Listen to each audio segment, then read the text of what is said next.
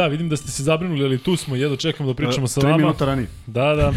E, počinje 60. izdanje podcasta sa Lukom i Kuzmom ili ako hoćete drugačije, drugi specijal o evropskom prvenstvu. Naravno, znate šta je u centru pažnje, to što smo pobedili Holandiju, pričat ćemo o tome, ali ćemo najaviti meč koji Srbija igra sutra, malo ćemo da prokomentarišemo i ove mečeve koji su, koji su bili e, na programu danas, najavit ćemo ono što, što će se igrati sutra i naravno delimo free betove. Kuzma... I, ili ako hoćete, ovo je prvi podcast a, sa preko 5000 pretplatnika. Opet se hvalimo, a? Pa moramo malo da se pohvalimo, ipak je to da. lep događaj. Zahvaljujući vama, da. 5000 pret, pretplatnika, odnosno subscribera. Kako ti to dobro ide? Da, da, fenomenalno. Prosto ljudi požele da se negde, da se negde na 10.000 ću da se da se naviknem. Ali stvarno je e, ovo o čemu čekamo da pričamo je stvarno bilo sjajno. Kuzma, ajde sada onako prvi opšti utisak, pa ćemo onda da ulazimo u svitna crevca po svaki igrač. Dakle, ovo sa Holandijom kako izgleda? U našim pretplatnicima? Ne, o njima ćemo tokom, tokom samog. E, kako mi izgleda protiv Holandije? Dovoljno dobro za jednu ubedljivu pobedu, ne preterano naporno, bez neke nervoze. Nisam nijednog trenutka osetio da negde gubimo konce uh, utakmice. Uh, malo iznenađenje je ne možda... čuje se, ej, ne kažu da se ne čujemo. Ne čujemo se, zašto se ne čujemo? Ne čujemo se ni ti ni ja. Da.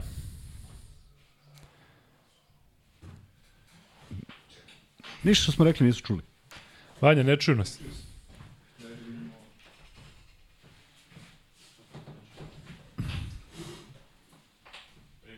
Jedan, dva, jedan, dva, jedan, dva.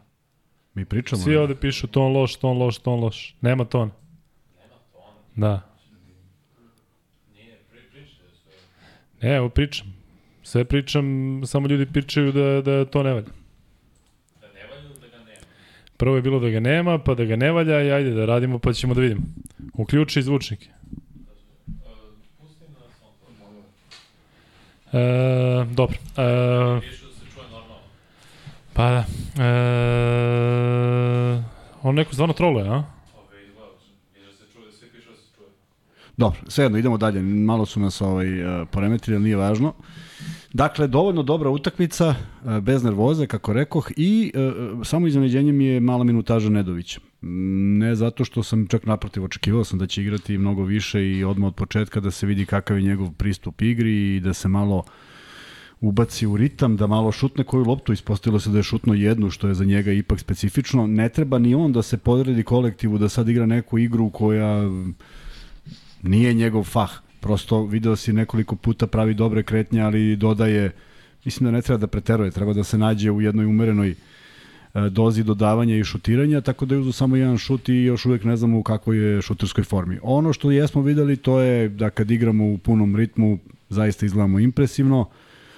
E, ono što smo takođe pokazali da bez Jokića i Micića nismo ista ekipa, što me malo iznenadilo zato što mislim da izlaskom njih dvojice svi oni igrači koji, koji očekuju i minutažu i zaslužuju minutažu u jednoj igri 1 na 1, jer ovo nije neka teška filozofija košarkaška što se Holandije tiče, pa ne mogu da pohvataju akcije i kretnje. Naprotiv, kretnje su im intuitivne više nego uh, dogovorne I onda tu jednostavno sve zavisi od tebe kako se adaptiraš na to i mislim da smo mogli da napravimo mnogo, mnogo veću razliku u jednom momentu da, da prosto ne, ne, ne gledamo semafor na kojem piše pet razlike za Srbiju protiv Holandije. Ali ajmo sad malo detaljnije, ovo je sad nešto uopšteno i kažem nisam video ništa što bi moralo da da nas, da nas zabrine, osim e, činjenice da, da, da, da je ovo već treća utakmica, a stalno pričamo o tome i ja znam da i svim igračima stručni štab priča o tome da se ne ulazi u nervozu zbog sudija, pošto pričat ćemo nešto i o tome šta se danas dešava na drugim utakmicama, ali ovde je evidentno bilo da Jokić nema zaštitu sudija i da ne treba zbog toga nešto pretrano da se nervira, naročito na utakmici protiv Holandije, doći će mnogo ozbiljniji protivnici, doći će oni koji to znaju da iskoriste, Holandjani nisu znali. Kuzma, šta je problem sa sudijama? Ali sad generalno, gde su ovi ne, ljudi učili da sude? Pa ne znam. Zato što ja prosto... mi smo svi videli a njih trojica niko ne vidi nešto i onda tako 10 puta za redom. Jel oni moraju da prođu Fibine sudije, sada govorim tehnički, moraju da Trebalo prođu isto da. neke, neke... Moraju rangove da Zašto prođu. su Ulebove sudije toliko 10 puta bolje? prvo stariji su, ja mislim da su iskusniji, da su imali mnogo više veći broj ozbiljnih takmičenja, ozbiljnih utakmica. Dakle, ako igraš, ako igraš Euroligu i već 5 godina se udi Evrolige, zamisli koji je to broj utakmica naspram utakmica koje su pandam Liga šampiona koja ipak nije nešto što što može da odgovara intenzitetu, jačini i kvalitetu ekipa. Tako da oni nisu možda upoznati s nekim stvarima kako to zaista izgleda na evroligaškim utakmicama, ali neke odluke su prosto neverovatne. I onda čak ne razmišljam ni o tome za koga su svirali ili ne svirali, potpuno svejedno, nego nego ja više ne razumem koji su oni momenti kad oni odluče da gledaju snimak. Na primjer, danas su gledali snimak da li je Janis izbacio loptu ili je to uradio neki hrvatski da, igrač. Da, ona frlja. Ona, je, ona frlja, koju su svi videli da je izbacio Janis. Da. Oni su to gledali po čijoj ideji, ja ne znam, ali su tačno znali da je Jaramaz prešao pola i da, i da je lopta za Holandiju. E, to je ono što je meni no, fascinantno. Razlike zato što oni Janis su bilo u posljednje dva minuta kada ta odluka potencijalno sve jeste stoji, bitna. Sve stoji, ali će negde biti lopta koju si ti presudio na pola utakmice, koja je baš takva, tako glupa odluka koja je na pola utakmice i odlazi. I da, aj sad samo da skočimo samo na jedan vrlo bitan moment. 84-82 za Grčku i neka gledalci sete koliko tehničkih grešaka imaju igrači Hrvatske i trener Hrvatske i neka to saberu. Tako da ovaj, u jednoj utakmici koju ćemo posle pričati, hoću da kažem ne treba da se nerviraju jer ove odluke nemaju mnogo veze sa nekim, sa nekim stvarima koje, koje, za koje smo navikli da gledamo gledajući naše najbolje ekipe u najjačim takmičenjima. E, ono što pričamo, dakle, ova utakmica nije toliko bila u egalu i sudije nisu mogli da je pokvare, ali kada bude u egalu i takva biće, neka biće odluka, problema, ne, biće kako problema. onda reagovati? Pa biće problema onda, evo gledali smo... Je li tad misliš da ne treba niko ništa da... Treba, treba, apsolutno. Ja mislim da Jokić treba da reaguje do, do faze nedobijanja tehnički. Dakle, možeš da reaguješ i priđeš sudi i možeš da mu skreneš pažnju ili bilo šta, ili već, već ima neki onaj intenzitet šta možeš, ovako mu je baš ušao, ušao lice i tapšao. Da, ono je bilo na ivici i isključujući. Jeste, tapšao ispred nosa, tako da to ovaj, ja mogu da, da, da, da shvatim revolt da je on prvi faul iznudio u 20 sekundi do kraja treće četvrtine, ali prosto ne treba nam to, niti treba, jer vidi, i to je, to je jedan krožok, ti ljudi se dobro drže. Ne možeš ti nekome da kažeš svašta i da mu pričaš svašta jednu utakmicu, a da ne očekuješ nekakvu uh, odmazdu u narednim utakmicama, da se razumemo. Dobro se oni drže i štite svoj esnaf i prosto ja tvrdim da 95% sudija će sada da kaže da su ovo sve bile dobre odluke. Pa jednostavno ne žele se zameraju na neki način svojim kolegama, a mislim da nisu, ali nije ni važno. Idemo dalje, utakmica je bez obzira na, na, na očekivanja javnosti 48 razlike od prvog do poslednjeg minuta, ja ne mislim da je bilo uopšte Mislim da je najbolje ovako da ima mnogo prostora za napredak, tako a da smo ih sve vreme držali ali moramo, na, Ali na moramo da prihvatimo neke stvari koje, na primjer, jedna od stvari koja ne sme da se desi. Prosto, ako ima taj De Jong koji ima neverovatan dodir sa loptom, osjećaj sa loptom i prosto šta god je izbacio to je išlo i ti kako, on, ti kako izbaci loptu vidiš da ta lopta ide u koš. Znači sve je kontrolisano, ništa nije bez veze. I onda prosto kada shvatiš da je to ekipa koja živi na trojkama, ne možeš da rotiraš na visokog igrača sa malog na onog najvišeg od 2.22 koji stoji na ivici posta. Potpuno je sve jedno šta će on da uradi u tom trenutku s loptom. Dakle, moramo da imamo fokus jer to će biti utakmice koje će odlučivati koji će odlučivati pobednika u nekim težim utakmicama sa boljim ekipama. Odmah da kažem nešto što što je duboko moje uverenje. Mnogo je teže igrati protiv atipičnih ekipa koje nemaju formu, formaciju. E, mi smo baždarani za velike rezultate i mi imamo igrača koji igraju ozbiljne lige i tamo se manje više sve zna. Vrlo je malo onih koji igraju na, ovom, na ovakvom nivou kao što igra Holandija i iz, iz iskustva znam, mnogo je teže igrati protiv tih ekipa. Na primjer, ako ti kažeš Ristiću da zatvori reket, a njegov čovjek stalno vrluda negde na, na trojici na suprotnom kraju, hteo ne hteo nisi na svojoj poziciji, a trudiš se da budeš na svojoj poziciji jer to ti je zadatak protiv 90% ekipa protiv koje ćeš igrati tvoja petica će tu stajati. Ne, ova petica stoji negde na trojici, kad primi loptu ti si stvarno u problemu, da li da izađeš, da li da ne izađeš, on šutne i što je najgore, manje više svi su pogodili po jednu trojku, cela spoljna i unutrašnja linija uh, holandske reprezentacije. Ali zaista nije bilo zabrinjavajuće. I... Oni su imali 10 od 16 trojku, jednu trojku, a sve vreme su da. bili na dvocifrenom da, minusu. Da, da, pa zato kažem, nije, dakle, nije to njih, bilo Oni su igrali svoju igru i pogađali su tako i opet nisu mogli tako, da nam baš pričali, se vidi razlika u klasi. Tako i pričali smo da mi ne smo da uđemo u nervozu i nije mi ni jednog trenutka delovalo da mi imamo bilo kakav problem da damo koš i da odbranimo. Ali moramo jače da branimo. Kad kažem jače, e, da se svi samo svedu na jedan na jedan. Ne ono, ne ono šta je proizvod neke akcije dobre. Malo je tu bilo nekih uh, zaista dobrih akcija, iako protok Holandjan, lopte Holandjana je dovoljno brz, ali treba oceniti ko onda treba da šutne. Videli smo igrača koji pokušavao da da trojku iz četiri pokušaja za redom, pa nije uspeo. Pa onda znači rizikuje se sa njega, vrlo prosto, ne mora da se rotira baš sa svakoga, zato što je to neki deo zamisli. Jednostavno, dovoljno dobro i mislim da meni je drago što je Marinković koji je startao utakmicu onako sa velikim samopouzdanjem odigrao i početak i kraj. Eto, svi koji su bili protiv Marinkovića videli ste da Nije bilo danas... razloga, to je dečko koji zna šta treba da radi i Sačekali danas. smo ga, Tako je, dočekali- sačekali smo i to je najvažnije, ono, to je ono što Pešić ume da prepozna i nije, je. nije sad mi možemo nagađamo zašto je on bio taj, ali evo, ako ništa drugo ovu utakmicu je on zaista odigrao maestralno, ja se nadam da će sa tim samopouzdanjem. Aj sad ćemo jednog po jednog da igrati. prolazimo. Uh, Ajmo da krenemo od petorke, dakle Ajde da Marinković je krenemo bio od. Marinkovića, 18 poena, e, 5 od 8 šut za 3, da. zaista sigurno da. pogodio one prve dve trojke, bio I dobar u odbrani. Tako je, bio dobar u odbrani, odlično u odbrani. Tako je, i sve to za 21 minut, tako da on je meni, ajde da kažem, iako nije najefikasniji, iako je Micić imao 12 asistencija, mislim da mi on igrač utakmice. On je, on je neko ko je, ko je otvorio tu utakmicu jako dobro i držao je taj intenzitet i kad se vratio videlo se da želi da igra. Dakle, nije sad bilo ajde da prođu minuti pa nego je uzeo opet i, i pogađao i, i u drugom delu utakmice da bi podigao razliku i vidim da je bila velika proslava kad je Ristić dao stotku Jeste. časti piće, verovatno je takav dogovor. Tako da ovaj, lepo je, lepo je sve to izgledalo što se Marinkovića tiče. E, u petorci Vasa Micić double-double je imao u jednom momentu negde u 30. minutu kad je bio na klupi pa su to prikazali sve što sve uradio što treba, e, kontrola igre, kontrola lopte, bez mnogo izgubljenih, jeste bilo nekih nesporazuma, ali bože moj, to se dešava kada hoćeš nešto malo više od onoga par efektnih poteza u, u reketu, onaj rolling jedan, jako dobro snalaženje, jako brze noge, jako stabilan, dakle... Delo je da je zdrav, delo je da ona tako povrede je, tako je. Da, da, ne da, pravi ne, problem. nema ništa, pao je dva puta, odigao se odmah, tu je samo najveći problem da se tako nešto ne obnovi, ali...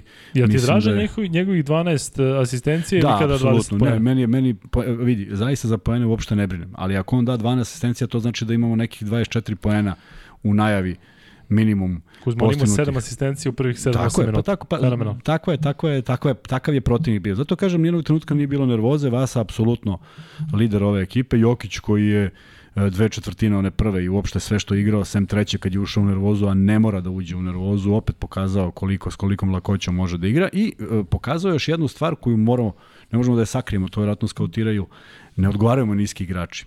Vidio si kako on lako sa ovim od 2.22 prođe i sačeka ga napravi faul i to je taj jedan jedini faul Ja koji vidio je si ono na preuzimanju jednom kada ga niski, pa je otišao na trojku, pa Tako je iz koreka tako loptu. Tako je, da. Tu, tako da tu samo treba biti oprezan, gledati šta se dešava i naravno kao za sve igrače, pogotovo za njega koji jako brzo razmišlja, samo za nijansu dublje dobiti loptu bliže košu. Ne mora stalno da zida. Dakle, da to budu neke onako malo, malo, malo preciznije kretnje, da on dobije loptu na ivici reketa. Mislim da tada apsolutno ne može niko da ga zaustavi. Videli smo nešto što se nije dešavalo, nije bio danas na postu, baš zbog n- one situacije kada su niski igrači, ka- kada treba mnogo teže da prođe, manji su stabilniji, pa nije lako da ga ubaci, a stoje na svojim pozicijama. Tako da Ali odigrao- dalje me oduševljavaju njegove finte za tri pojena. Da, da, znači, da. Finta šute da on Ali- ništa ne radi, da. nego samo krene i svi A padaju. onda on pogleda, n- Da. stvarno nećeš da izađeš, pa onda kad digne, onda svi skoče. Da. Tako da je odigrao još jedan dobar meč, dovoljno dobar, odmorio se, oni su podelili minutažu fantastično. 19 poena, 6 skokova, 4 asistencije i mislim da je, uh, ajde da kažem, najbolja strana ove partije to što ni Jokić ni Micić nisu mogli da igraju u više od 20 Tako je, tako pa naravno, to je, to je cela ideja. I eto sada tog opravdanja kad nema Milutinova zašto je Ristić tu i za razliku od prvog polovremena Ristić odličan u drugom polovremenu, konkretniji, mnogo drugačiji, agilniji, nekoliko skokova, dobrih poena, čak i ta trojka kojom se nad, na, na, na, na, nagradio. Da nastavim samo za Lučića i Kalinića, mislim da su i oni momci igrali koliko su morali. A uvek njih nekako stavljamo zajedno, zato Uvijek što uvek imaju, zajedno, uvek tako je, imaju isti tako učinak, tako isti, tako isti Tako videli smo jako lepe kretnje, jedna lepa asistencija Micića za Lučića koji zna da počita odbranu, Kalinić koji, ne znam da li si vidio onaj vraćanje snima kada Vasa izlazi u ćošak i očekuje loptu kada Kalina šutira 3, a Kalina gleda semafor i vidi da je ostalo 1,5 sekund, znači nema, nema pasa, nema, nema svrhe, bez obzira što je Vasa u položaju da, Da. primi loptu, e, jako, jako mudro, jako, jako fokusirano za, za, za gledaj, gledajući i znajući koje je vreme na, na semaforu, što ne rade svi igrači. I dakle i njegova jedna minijatura koja je sasvim dovoljna, e, nekoliko dobrih skokova, nekoliko onih momenata kad je ničija lopta pa je on negde nađe pa je izbaci van reketa, tako da vrlo, vrlo konkretni obojica, tačno ono što se traži od njih, ništa spektakularno, već jednostavno kad kažeš e, kako su igrali, igrali su odlično. E, to mi je utisak za Lučića i, i, za, i za Kalinića zajedno. Prošli smo celu petorku, ajde da, e, ali poslušaj prvo samo, da li je ovo neko planirao ovako da raspodeli minutažu? Slušaj ovo, Dejan Davidovac 20 minuta, Vanja 21 minuta, Nikola Kalinić 18 minuta, Vladimir Lučić 18 minuta, Dušan Ristić 17, Jokić 21, e sad ovo što si rekao, Nemanja Nedović 10, što ima smisla verovatno zato što mu je prva utakmica da. posle Ali je najlakša, mislim svega. da će biti više. Ja. Marko Jagodić Kuriđa 19, Vasilij Micić 22, najviše. Marko Gudurić 19, Ognjen Jaramaz 10. Jaramaz su štedili, ajde da kažem da je da, on da. dao je 9 poena, onako lagano. Pa, vidi, pošto se redko igra sa 12 igrača, ovde su probali sve. Sad samo uzmeš da je Jaramaz mogao da provede tih 12 kao što je proveo kada Nedović nije bio u ekipi i to je to je ta minutaža. Ajde, naravno nastavi, da je neko, nastavi o njemu. Naravno da je neko vodio računa. Ja ne mislim da je to slučajno da su da je podeljena minutaža tako.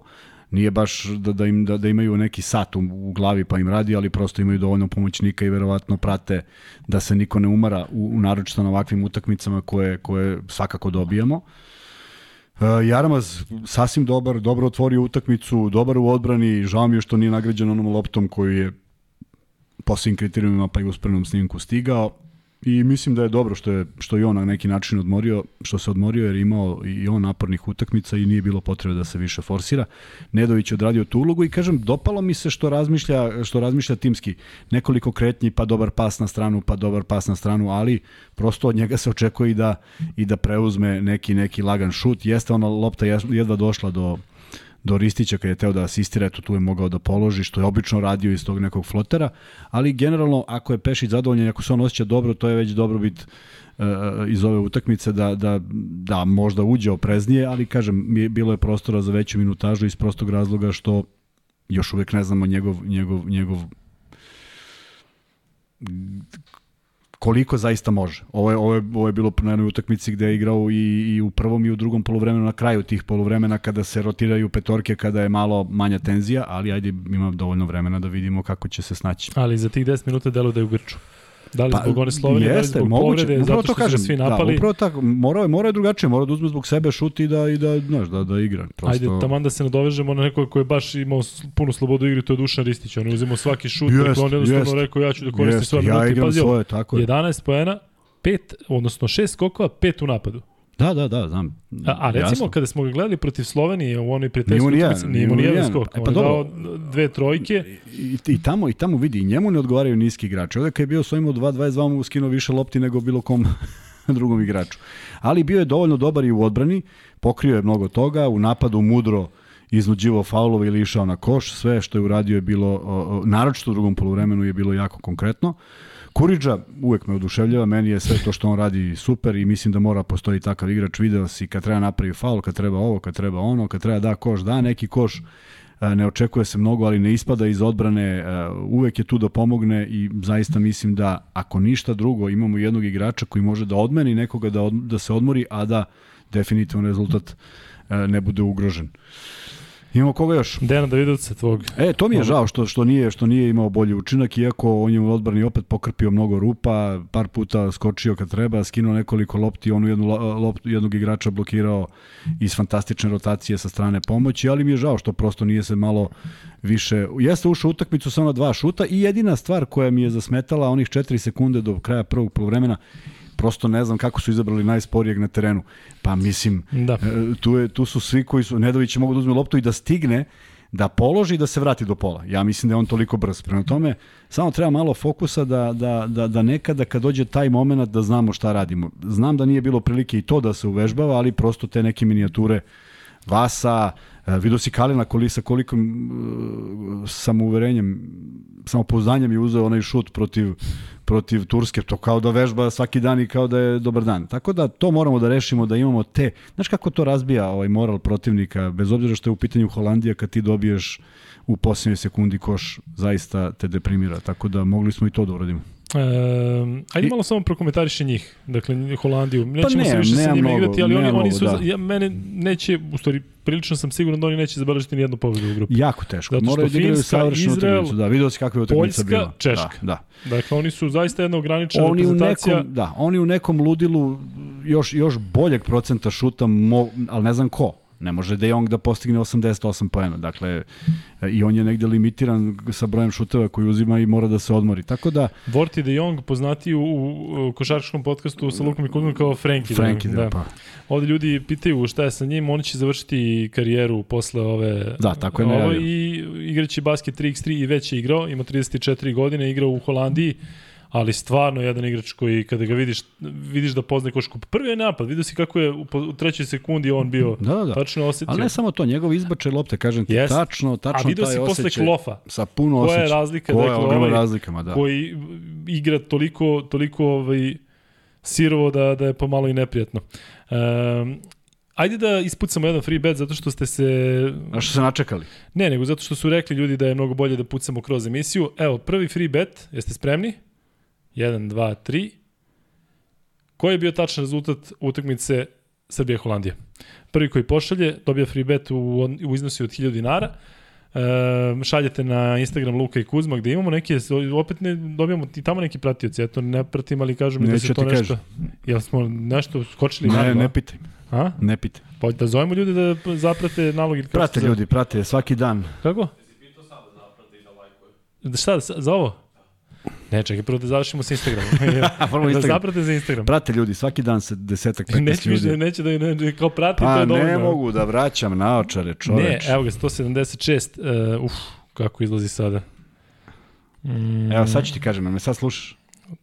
Sad te ne slušam. To malo pre sam te 913, slušao. 913 pratilaca. E, zapratite Kuzmi na Instagram zato što on voli da se s vama druži na Ne, Instagramu. ne, što zapratite posta- Luka i Kuzma, ne Kuzmu, nemojte Kuzmu. Da, ne, Kuzma odgovara. Luka i Kuzma na Instagramu. da, Da, da da, znate da samo Kuzma odgovara. Blaznavac. Tako da možemo zajedno da, da, da vređamo Luku. Da. Blaznavče, uh, šalji Blaznavče na na uh, Instagram Luka i Kuzma šalješ ID, Max Beta i bit će ti uplaćeno 1000 dinara. Evo ti, u zadnjih 24 minuta. Dobro. Rifra FRS1, Aksić A, Đole Go i Petar Pan. Eto ti. I Nenad Jovanović. Gledaj sad ovo. Oni su zapratili, jel? Da, pa to je ludilo čoveč. E, da, stvarno lajkujte ovaj, zato što Vanja, Vanja nam stalno priča nešto E, što mi Stefan dalje ne Stojanović mi shvatamo. posla... Šta, ko je odgovorio to? Ko odgovori šta? Ko je odgovorio tačno na free bet? Blaznavac. Blaznavac. Da. Pošto Stefan Stojanović uh, je meni poslao rezultat, ne treba meni da pošalje rezultat, nego, nego da pošalje tu. Tako a, meni, a meni kad pogodi. Da, da, dakle, sve se šalje ovde, pa onda na Instagram Da, šaljete... na Instagram ko je pogodio. E, ali dobro, moramo da imamo razumevanja zato što sigurno imamo i nove pratioce ovde, tako da ljudi Tako treba je, da se tako je, uigraju. treba da se uigraju svakako. U svakom slučaju da ponovimo, verovatno vi koji ste sa nama već dugo i koji pratite znate, ali ićemo svaki dan tokom evropskog prvenstva s tim što će termini biti klizni. Mi sutra uh, moramo da zakažemo isti ovako neki termin, tako? Pa 23.45, isto kao i sad. A to je a to je otprilike i nedelja. Dakle uh, go, i nedelja ono što smo pričali za Šta je sutra u 24, 23.45? pa sutra da isto imamo u ovo vreme. A ti radiš? Pa Do? do 23.45. Tako da u nedelju isto, pa u nedelju je ono što smo pričali. U nedelju je 3x3 onaj E, znaš strani, a sutra je neki 3x3 domaći. Ne, ne, sutra imam, tako da u, u generalno ćemo i subotu i nedelju obavestit ćemo, sad otprilike ićemo u ovom terminu u kojem smo bili danas, tako da Eto, uh, a posle ćemo da vidimo tokom nedelje šta i kako i vidjet ćemo da ubacimo neke goste s tim što je jako nezgodno da zovemo goste u 15 za 12. Mene sramota da pozovem nekog, je li tako uzma? Da, Da mi se da, pozoveš da. nekog i kažeš, e, reprezentativca nekog aktualnog, e, hoćeš da dođeš, on kaže, hoću kad, u, u, u ponoć nam dođe. Malo ovaj neprijatno, ko Da. neće, A da misli- nije Oliver Popović koji stanuje od 5 minuta odavde. Mislići ko zna šta ćemo da mu radimo ovde u, u 12 noći. E, Kuzma, ajde malo e, da se osvrnemo još na ovu utakmicu iz e, ugla odbrane. Da li e, u odbrani vidiš nešto što je problematično, pomenuo si neke stvari, Da. individualno, timski, Individualno, individualno. individualno. individualno. Zašto? Sad ću ti reći zašto. Zato što tu nije bilo mnogo kreacije, ne, ne, nije bilo mnogo kreacije timski. Nije tu bilo kretnji koje te odvuku pa naprave neki problem. Prosto, um, zaista je teško igrati protiv nepredvidivih kretnji igrača. Nisu, nisu tipične. I uvek je to, uvek je to predstavljalo problem i zaista tvrdim da, da, da kad igraš, ajde negde, negde da pričamo, uh, igrao sam u toj budućnosti u Zvezdi, kad dođe Partizan, ti apsolutno znaš kad Berić i Brkić dođu, ti znaš šta oni rade, nema, nema iznenađenja nekog koje ti sad nisi video da će napravi neku piruetu u skoku i da otrči u suprotan ćošak. Neće, jednostavno a, obučeno su igrači za jedan sistem igre i ti to prepoznaješ. Međutim, bilo je ekipa nižeg ranga, koje kad krene da trči uopšte ne znaš gde, gde, gde, gde da ga nađeš Nepredvidivi pogledom. Pa da. I to onda je do, moraš da se adaptiraš neko vreme. Tako da nama sigurno jeste, ako pogledamo da mi igramo utakmice, Slovenija, Slovenija, stavi mozak, pomozi. Italija, Italija, Nemačka, Nemačka, Grčka, Turska, to su stvarno, i, i svuda odigramo bolju odbranu. Zaista bolju odbranu. U svim, u svim utakmicama smo igrali bolju odbranu nego protiv Holandije. To govori da ne da smo ušli olako, nego da nije lako pročitati te neke kretnje. Oni su se nekada i sudarali malo, pa i se slučajno mimoiđu, pa svega je bilo na ovoj utakmici i zato ne treba uzimati za, za, za, za ovaj, da pravimo nikakvu frku oko toga, ali mora da se vodi računa 1 na 1. Ne ono kao prošao me pa imam nekog da mi pomogne. Mora da se više povede računa 1 na 1, da bude agresivnost kao što je uradio to večeras uh, Marinković kao, to što, kao što to radi Jaramas, kao što Gudurić zna da uradi pa da napravi čak i 2-3 faula da im poremeti igru. Dakle, prosto moramo da više... Hajde o Guduriću. Guduriću nismo pričali konkretnije. Njegov, njega kako se vidi? Ja mislim da smo njega jedinog Vidio, ispustili. vidio, da, da, ali, da, jesmo. Ali odigrao je dve utakmice zaista kako treba. Ova utakmica ne mora da bude neko njegovo dokazivanje bilo čega, odigrao je koliko je bilo potrebno, napravio neke faulove da preseče uh, par napada Holandije, uzeo nekoliko šuteva i mislim da, da, je, da je sve što je uradio bilo vrlo korektno, tako da nema, nije bilo prevelike potrošnje i nije bilo nikakvih a, padova ili loših nekih momenata da možemo da diskutujemo u njima. Prema tome ja uopšte ne vidim ni u jednom našem igraču da je da je da je podbacio u bilo kom segmentu, naprotiv mislim da su svi opet bogati za jedno novo iskustvo, jedno iskustvo igranja protiv ekipe koju koliko god da, da stručni štab kaže da su ska, skautirali, da, oni su skautirali da De Jong šutira trojke i da ima takav osjećaj, ali ne mogu da baš tačno znaju iz kojih pozicija to šutira trojke, pošto ih on šutira apsolutno svih i nalazi se na svim delovima terena u, u svakom momentu. Da li, meni delo da on opet ne uzima nerezonske šuteve. Dakle, on uzima šut u poslednjoj sekundi, mora da ga uzme odakle god. Ali čini mi se da je par puta mogu da se podigne, imao je 4 od 5, Jeste, 5 od 6, da se jeste. podigne, on gleda da, da, da loptu na stranu. Jeste. Pa, to ti kažem, ne, negde, negde i ti sad pokušaš da žrtvuješ nešto, a ne znaš uopšte Da. koji segment da žrtvuješ kad te potpuno poremete tim nekim pasom i rezonom koji imaju. U svakom slučaju nije tu bilo uh, mnogo skokova u napadu ekipe Holandije. Uh, nije bilo propusta uh, nekih velikih da smo došli u bilo kakav problem za rezultat i nije bilo serije u kojoj smo mi bili potpuni Jeste, otvorili su treću četvrtinu, gledaoci i naši pratioci pišu zašto opet otvaramo loše treću četvrtinu. Znaš, ne, znam koliko je loše, zato što smo, na primjer, e, protiv Italije otvorili fenomenalno drugo polovreme. Pa jeste, nismo protiv Turske, ali to nije sad neki reper Da, da, da mi... deluje da mi imamo te prazne minute da ih imamo sve ma- manje i kraće. Dakle, des, da desi ih se ne. tako malo da ih, ne, da, ih, da nas neko, eto, da nam da nekoliko Ali- trojki, da reše nešto Tako je. 6-0, 8-0, ali to nije do Ali nas. vidi, mi moramo da znamo još jednu stvar.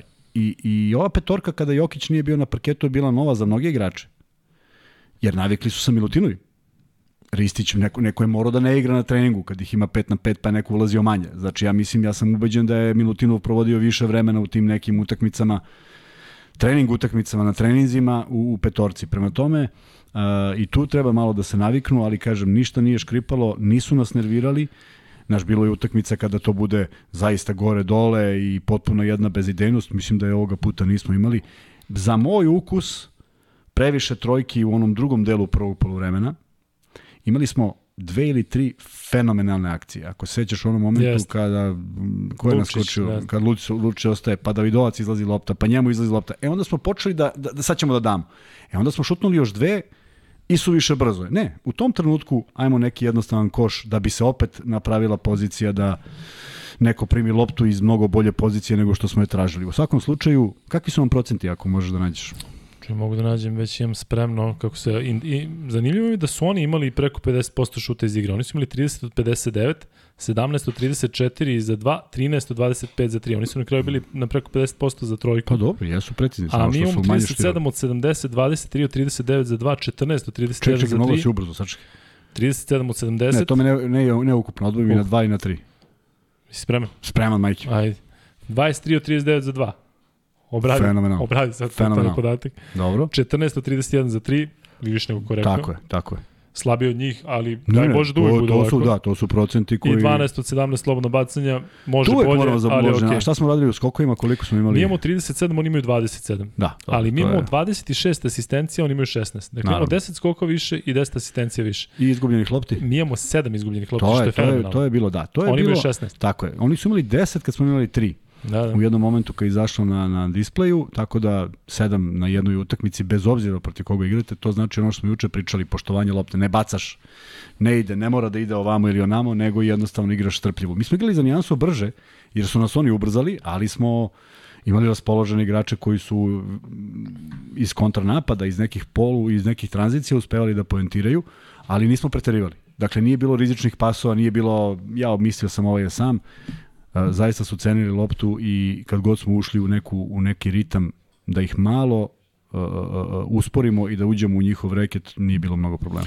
A ajde sada još nekoliko pitanja u vezi Holandije pre nego što pređemo na ostale mečeve i ono što nas čeka sutra. E, šta dobijemo sa Milutinovi? Dobijamo još jednu još jednu čvrstinu. U odnosu na Ristića. U odnosu na Ristića, uh, znaš kako, uh, mislim da je potrebno malo više napora da bi se čuvao Milutinov. Prosto drugačiji je tip igrača. Uh, jako je stabilan kad pusti loptu dole, on unosi igrača do koša. Ako niko ne rotira, ono smo gledali protiv dosadašnjih protivnika u nekim procentima koji su fenomenalni, 5, 4, 6, 5, milina za gledati jednostavno polu horog, tako da tu onda mora da dođe do nekakve korekcije u odbrani, kad dođe do korekcije u odbrani mislim da imamo šta da, da, da ponudimo sa povratnim pasovima, tako da dobijamo jednu čustinu u reketu i dobijamo ipak, vidio si, sam kažeš, Ristić je napravio nevjerovatnih pet skokova u napadu od šest skokova ako ima, a mi kod Milutinova dobijamo ipak zatvoren reket i u, i u, i u odbrani. E, kada je došlo do te vesti, odnosno kada je stigla ta informacija da je Teodosić E, ostranjen, odnosno da nije na, na spisku. Svi smo bili u šoku, pa smo onda ušli u taj neki period kada smo onako mire glave rekli to je selektor odluka i treba tako da bude. Ja moram priznati da ja sad ne mogu da zamislim to Todosića u ovome što smo videli danas. Gde bi mogao on da bude? Pa on bi bio, on bi bio još jedan igrač koji može da kontroliš loptu i da je drži. Kada, kada? treba da drži? Pa, u kom trenutku? Kada Vasa izađe pa da onda on igra da, sa Kurđićem, da, sa Kurđom da, i sa, da, sa Ristićem. Da, da bude sigurno da, da, da će doći lopta do pravog rešenja, a onda bi imao Nedovića u većoj minutaži na dvojici. A onda I misliš bi neko... da bismo dobili nešto u odnosu ne, ne, ne, ne, pa ne mogu sad, to, to je sad, znaš, šta je bilo kada ne, je bilo... Ti, ali, ali ja recimo, sada ovde ne mogu da ga zamislim da je neka uloga bitnija. Baš ono što je i njemu Pešić rekao, dakle, da sada ima boljih od tebe, na njima ću da baziram. Ako je to ta prava priča, meni sad to deluje kada sam ih video vidi, ovako, vidi, posle nekoliko mi, utakmica. Znam, ali to će mi delovati kada sve prođe. Da vidim da li je to stvarno tako bilo ili, ili ćemo mi izgurati na mišiće zbog toga što smo bili negde negde, negde je škripalo. Ja želim da verujem da mi idemo do kraja. I onda me neće zanimati mnogo šta Naravno. je škripalo ili nije. Prema tome... Hoću da kažem da sve deluje smislenija odluka, kako vreme prolazi. Dobro, o, vidi, o tom potom. I ja, ja želim da verujem da je to odluka koja treba da se poštuje. I vrlo je prosto. Jedan, jedan pravac ti daje kredibilitet, drugi da, pravac otvara pitanje zašto. A ja želim da Srbija bude na tronu i da mi uopšte ne pričamo više o tome nego da, da, da idemo dalje. Tako da i nadam se da će biti tako, ali u, kontekstu toga ide ova utakmica koja je bila prva, koja je za mnoge predstavlja na neki način znaš, malo uđeš nervozan, daleko od toga da mislim da smo bili opušteni, nego uđeš, znaš, kako će izgledati, ne znaš mnogo o Holandiji, ne znaš, iznerviraš se kad ti čovjek da tri trojke za redom, to nikom nije prijatno, a pritom ništa nisi pogrešio, ti si samo na, na dovoljno dobrom odstojanju, on šutira čovjek kao da nema nikoga. Prosto ima takvih igrača, imalo ih je, bio je taj čuveni Oskar Schmidt koji nije mogao da promaši, pa ima ostali igrače koji nisu mogli da, da, mu, da mu pariraju, da, da budu bolji. Pa Inače je, bi Brazil bio prvo Pa naravno, ono je bilo neverovatno i E, mogu je pogodi koš odakle god je hteo. Ovaj dečko je zaista neko ko, ko ima očigledno tako divan osjećaj za loptu i sve što izbacio prema košu imalo smisla i manje više i završilo u košu. Pišite nam i ovde šta mislite o tome da li, je, da li se te uklapa u ovo ili ne, a mi ćemo lagano da pređemo na one ostale mečeve koji su uh, odigrani danas, sada već juče, pošto je pola sata posle ponoći, ali uh, i onda ćemo naravno da pređemo na meč koji Srbija igra sutra. Uh, Kuzma, Izrael, Finska u ovoj našoj grupi 89-87. E, ja sam gledao taj meč na početku i Finci su stvarno izgledali sjajno. Međutim, ono što je bio markane na početku meča za Finsku, to je bio Avdija na kraju meča za Izrael. Dobili su, dakle, nakon produžetka jako bitna pobjeda za njih i sada sigurno da, da onako sa punim, sa velikim samopouzdanjem ulaze u, u nastavak nadmetanja u grupi. Vidjeti, kažem, e, ja sam dolazeći ovde razmišljao o jednoj u jednoj tituli koju možemo da igramo svaki dan. Vrlo je atipično možda, ali e, nazvao sam je autoritet dana. E, zbog čega? Zato što je Menko ubedio celokupnu javnost da on nije izbacio loptu tako što je gledao sudiju i rekao da, da, naša je. I sudija je zaista bez jednog, a pričamo o zadnjim sekundima, u zadnjim momentima produžetka, da imaš apsolutno sva prava da pogledaš nešto što je sumnjivo. Jer kad igrač skače ka lopti i lopta koja odlazi u aut, jako je teško da odbrambeni igrač koji pokušava da je uhvati da izbaci napolje. Jako je teško, po nekoj logici nije nemoguće, ali, na primjer, to je bila odluka koja je apsolutno morala da se pogleda jer odlučuje pobednika. Da bi onda minut kasnije on dobio faul u napadu ispod koša, nek pogleda ljudi snimak da vidi kako zaustavljaju uh, centre, centre Finske i kako, kako ih uh, uh, telom zaustavljaju gde svaki kontakt može da bude faul i dobija to, tako da je Menko apsolutno za mene hit dana i on nije, nije Avdija dobitnik, pobednik te utakmice, nego Menko. M je dao tu trojku posle tog auta, M je izvukao taj aut, M je izvukao loptu za Izrael. Šalu na stranu Avdija i Markonen Markonen, još neko, a Markanen? Markanen. Markanen. Markonen. Zaista Ono nadmetanje, Marko, pa nadmetanje dva, ne samo divna tela atlet, atletska, nego dva jako dobra kreativca. Jeste. Veliko zadovoljstvo bilo to gledati i šteta što je neko morao da pobedi. Izrael ovim pravi veliki korak. Šteta što je neko morao da izgubi. Ba da, šteta što neko mora da pobedi. I... Polja su oba, oba ekipe izgubile. Odlični su, ali trebalo je ovo bojice da izgubile. ali to su neki, vidi, to je već neki put da Finci i Izraelci igraju. Dakle, ja mislim da su ti njiho, to njihovi limiti. Znaš, sad kad pričamo, ako pričamo o nekoj pretnji za, za visok plasman, mislim da su to neki njihovi limiti i, i jeste bilo zanimljivo gledati te utakmice. Uh, vrlo interesantno da su Blat i Mekel uh, ispred Madara, što je ipak malo onako ču, začuđujuće, ali Sigurno, jesu Mekel konkretni... koga je pominjao ovde Stefan Jović. Da, da. On, kao da nije sad svoj. Pa i nije, da, da, da. Ali eto, je dve ekipe koje imaju i negde sličan način igre i sve i vrlo su kreativni i vrlo brzo pune i pale. Malo sreće su imali više uh, uh, Izraelci i ovog kako se nekako zove? Meko? Markon. Ma ne bre, ovaj što je dobio nagradu. Menko. Menko, e, i Menka su. Da si već si zaboravio? Pa ja sam zaboravio. Zato, e, i još jedna stvar koju voleo bi da ljudi pogledaju, možda ja grešim, a možemo da diskutujemo sutra da vrate utakmicu Grčka, Grčka, Hrvatska. Ajde, pređemo na to, da pređemo odmah. Hoću odmah da pređemo Ajde. i samo da mi neko kaže da li se dva puta Janis oslobodio od igrača guranjem u telo. O kom periodu meča? Oba lob, oba lob pasa u završnici utakmice. Oba lob pasa preko zubca, samo da mi neko kaže šta misli, ja mislim da se oba puta odgurnuo. Da oba puta bio faul njegov. Da oba puta bio njegov faul. Ali nema veze, ne ulazim da je to razlog za pobedu, prosto Grci su ih uh, demolirali, onda je proradio taj ponos, proradio je nešto što mi, ajde, ovde na ovom Balkanu zovemo inat. Žao mi je što nisu otišli do kraja, zašto bi to bio veliki preokret i negde... Odlična utakmica je bila. Odlična utakmica, ali, ali ne prvo polovreme. Jer gledaj sad ti šta se dešava u prvom polovremenu. Opet ljudi mogu da vrate, sva sreća postoji to. Neverovatno je da Bogdanović dva puta zida i šutira fade away, pa onda treći put trojku, pa onda loptu uzima Šarić, pa on šutne dve, pa onda Hezonja uzme dva puta. Ne može tako, prosto ne ide tako. Da, verovatno je to i razlog zašto... To je njihov razlog zašto. I onda je došao taj Kruno Simon koji sad treba sa 39.000 godina da ih malo e, sredi i odigra nešto i zaista odigra dovoljno dobro, ne van serijski. Promašio je neke šuteve, neke je pogodio.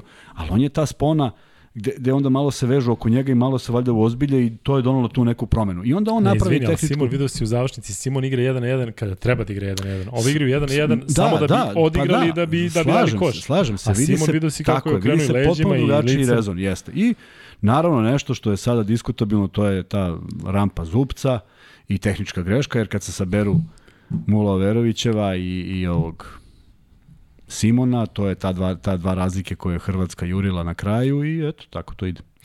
Janis... Ali, mi je, ali mi je bilo, stalo mi je bilo da gledamo utakmicu neizvesnu i stvarno to se i desilo. Uh, sigurno, sigurno da 16 razlike u prvom prvenu malo daje igračima Grčke, reprezentacijima Grčke, e, ovo ćemo lako. Naravno, leteli su na, na pojedinačno, individualno jako dobre igrače, ali nisam video zaista ta ta fantastična rešenja. Naročito me iznenadio Šarić kojeg dugo nisam gledao. Jako teško do koša, jako teško, sve nekako teško, pogodio je nešto što je pogodio, ali mislim da, da tu zaista nemaju ideju na koga se na kraju igra. Jer, eto, ovi imaju De Jonga, ako ništa drugo, pa se znaš da, da od njega polazi sve. A, a Hrvati nemaju tog nekog ključnog čoveka koji kaže stani, mora Kruno, Kruno Simon, koji nije više čovek u fizičkoj mogućnosti da igra bolje. Kad bi on igrao bolje, ja mislim da bi on bio taj uh, koji bi koji bi vodio glavnu reč. Ali misliš da je loše to kad ih imaš četvoricu i sva Pa, četvorica ja misle mislim, da treba? Ja mislim da da. Ja mislim da da, i ako pričamo o tim nekim uh, momentima kad imaš jake individue, jaka ega, i kad ih ne staviš u reprezentaciju, pa kao nema, zašto nema ove dvojice? A onda ti se pojavi Kuriđa koji igra. E, to je, to je vrlo bitno, da imaš takvog igrača koji će to da radi. Tako da tamo mislim da se niko ne podredi kolektivu dok ne proradi ponos i, i drugo polovreme je mnogo drugačije i jeste tu bilo i pada u igri uh, a, Grčke, ali mi se dopala jedna stvar da su u jednom periodu utakmice, čak i u dovoljno dugom periodu utakmice, prilično dobro čuvali Janisa. A jesi vidio ono o čemu smo pričali mi pred Srbiju, kako su mu 3 metra ostavljali Tako je, da... tako je. I onda on dođe i zakuca se i onda bude neki povratni pas. Odlično. A video si on, znači, sa takvim Tako grčem je. sada da šutne za 3 Tako i to leti tako baš je, daleko. Tako je, tako je. Tako da su se dobro povlačili, dobar rezon su imali, dobro su pustili Kalates Ne samo da njemu, šutne. nego i bratu Tako je, tako i, je. i Kalatesu. sve dakle, su dobro sve. pokrili i vrlo su dobro to korektno radili. Naravno, nekad se zanesu, pa on kad krene da vodi, Šarić priđe korak umesto da se odmakne korak i, i tako dalje. E, tako da čak su i tu neke defanzivne stvari uradili prilično dobro, ali i kod Hrvatske je zaista kad ti pogledaš tu plejadu tih igrača, pa onda ubaciš Simona, pa ubaciš još jednog dvojicu i tu je kraj. Ne može, ne može Da, da, bude nemaju rotacija. klupu, oni imaju ne može da bude tako Simon je, i tako to je to. Ne može da bude rotacija duža od od 7-8 igrača da malo popune što je što je najveći problem na ovakvim takmičenjima. Je li dalje hejtuješ Dorsija? Odigrao je, odigrao je odlično. odigrao- Dobar je, nemam- pogodio ne, kad pa treba, vidi, kako ja ne treba, sve pričam teški nešto što nema veze. Ali pritom, Apsolutno. niko tamo nema šut sem njega i svi znaju da on ima šut stoji, i svi stoji. brane i, on pođe preko sve, svaka čast. Znači, ja kad kažem, očekivao sam bolje izdanje Dorsija na onoj utakmici, svi graknuše, pa 10-4 naspram današnjih neverovatnih procenata za tri je nebo i zemlja. I naravno da kažem da je igrao fenomenalno kad igra fenomenalno. Ali kad ne igra, onda kažem da ne igra, vrlo je prosto. Ali delo mi da je jedan od onih Amerikanaca koji je baš se uživao u tu ulogu kao što je Tobi u Sloveniji, Dorsi ovde, zato što imaš one koji otaljavaju posao, odrađuju posao Ne, i on, on baš je- vidi se da igra, ja mislim da vidi, igra sa boljom energijom nego Olimpijak. Pa vidi, Više se loži. da ti kažem jednu stvar, možda bi ja za, ne znam, za, za OKH Beograd sada igram i da dođem da igram s Janisom, možda bi ja letao po terenu kao blesav. Pa zar mi nije inspiracija da igram sa jednim od najboljih na svetu i da dam sve od sebe? Tako i Dorsi ako, ako, ako ima malo mozga, a očigledno ima, sebe je podigao na nivo da igra jednu izuzetno a, a, a, a, konstruktivnu igru bez mnogo silovanja. On sve šutove što je uzeo sam je sebe izgradio u momentima kada je to bilo, nije to bila četvrta sekunda napada. Strpljivo čekao, našao, čak i onaj odskok u, Ćoša koji je bio po metar i po. I to treba izdržati i šutnuti sa onakvom preciznošću. Tako da jeste bio neko ko bez koga Grčka ne bi pobedila. Nema Grčka takvog šutera kao što je on i tu je pravi Da. pogodak. Da zamisliš da je Grčku bez tako njega, je. ovde Ne, ne, bi izgubili ne, od nas ne, nema mnogo. Ko, nema ko, Kalate Da. su su bežali na, na 12 metara, a ne na da ga prate bilo gde. E, da nastavimo dalje, što se Ali Papa mečeva. Petru, Papa Petru, Papa Petru, Papa Petru, Papa ovaj Petru. Partizan. Da. Jeste. E ono što, sam, što smo spominjali, koliko je on bitan igrač, vidio si skok u napadu, Jeste. pa iznudi ovo, pa Faul važi. Tako je. To je čovek od kojeg, od kojeg, od kojeg se polazi u sastavu reprezentacije. Dorsi je jedno, to je super, Janis je drugo, braća su, ali ovo je nešto što je stalno bitno. Jedan igrač koji, koji upravo, mislim da je zato izabran, da bi doneo to što niko ne vidi. Ili neko samo konstatuje, pa to, to je jedan faul napadu. Pa jeste, ali u- na 48-48 i sekund do kraja, naravno da samo jedan. E, da si vlasnik kluba, trener, neki čelnik, priznaj da bi uvek doveo pre Papa Petru nego Dorsija. Da, naravno. Čak i ovaj ako da 40. Ja. Čak i ovaj, ako, ako moram da biram da tim... ti ako Papa Petru doveo pre Janisa, a Dobrića bi sigurno doveo pre Janisa. Dobrić je već starosedlac. Da. E, malo si sad prešao na, na drugu grupu, ajde da se vratimo na Da, našu ajde, grupu. se, Poljska, vraćamo se, da. Češka, 99-84, pritom igrao sa Toranski. Iznenađenje To je ipak. veliko iznenađenje. Jeste. 99 poena. Izgleda, delo mi da Češka je jedna od onih reprezentacija, pominjali smo ranije Tursku, dakle oni pred svojim navijačima jedino igraju dobro. Nekako čini mi se da je Česima domaći teren ipak e, preveliki pritisak i da im je više minus nego, nego što im znači. E, u svakom slučaju primili su 29 poena u prvoj četvrtini, 30 u poslednjoj. Strašno mnogo, da. 99 poena, kažem da nije tu bio Satoranski pa da kažeš, ali imaš motor ekipe i um, ajde pa se nadoveži pre nego što pređemo na, na, na najavu meča, jel sad česti treba da se vade protiv nas, zato što ja mislim da oni ne mogu mnogo gore od ovoga što su, što su odigli danas. Treba i treba biti oprezan. S druge strane, zato. mi sad pričamo o iznenađenju Poljske, znaš, mi to pričamo, ja, ja sam i rekao da sam ako sam nekog pratio malo, to je Poljska, ne mogu da, da kategorički tvrdim da je ovo neko veliko iznenađenje, ali jeste s obzirom da, da je e, Češka bila u punom sastavu i Češka koja je ipak beležila bolje rezultate u prethodnom periodu, Međutim, vidiš kako jedna ekipa može da se motiviše, da, izne, da, da nađe 99 poena, to, to redko ko može baš da proizvede tek tako. Ali, očigledno da ni Česi nisu defanzivna ekipa, već ofanzivna, jer nije mi delovalo da u jednoj četvrtini da su uspeli da makar malo ublaže taj procenat, to je taj prosek poena, bez obzira na veterane koji imaju i bez obzira na Satoranskog. I sad, znaš, ti mi pričamo Satoranski veseli i onda još ćemo tri imena da nađemo i tu ćemo da stanemo. Pa tako i Poljska, znaš, nije to sada uh, neka, neka velika razlika, pa tu što ako su... Dobro, ali Ponitka je stvarno dobar. Uh, dakle, veseli, veseli je stvarno dobar. Sloter stvarno ne, dobar, ne, ne, Satoranski.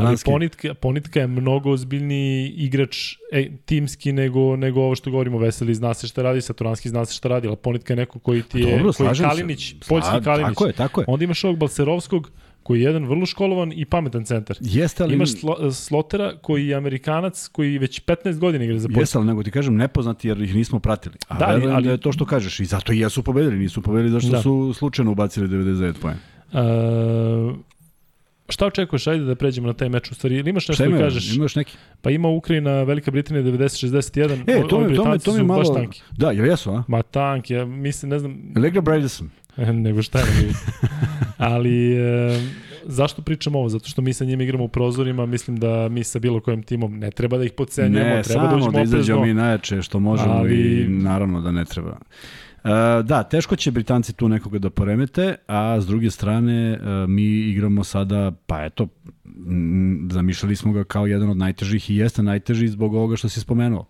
Česima drugi poraz, ozbiljan problem za četvrto mesto, ne Imamo veliki. još da prokomentarišemo Italiju i Estoniju pre nego što pređemo na, na ovaj sutrašnji meč. Italija i Estonija, dakle ja sam ti rekao 83-62 za Italiju, ali meni je Italija kanta ekipa. Evo sada ti kažem, dakle ovde najozbiljnije, dakle ono što su igrali baš kad protiv ublažiš, nas, to baš kad ublažiš. E, igrali su protiv nas ono drugo poluvreme, tako su igrali prvo poluvreme protiv Ukrajine, tako su igrali sada drugo poluvreme protiv, protiv Estonije.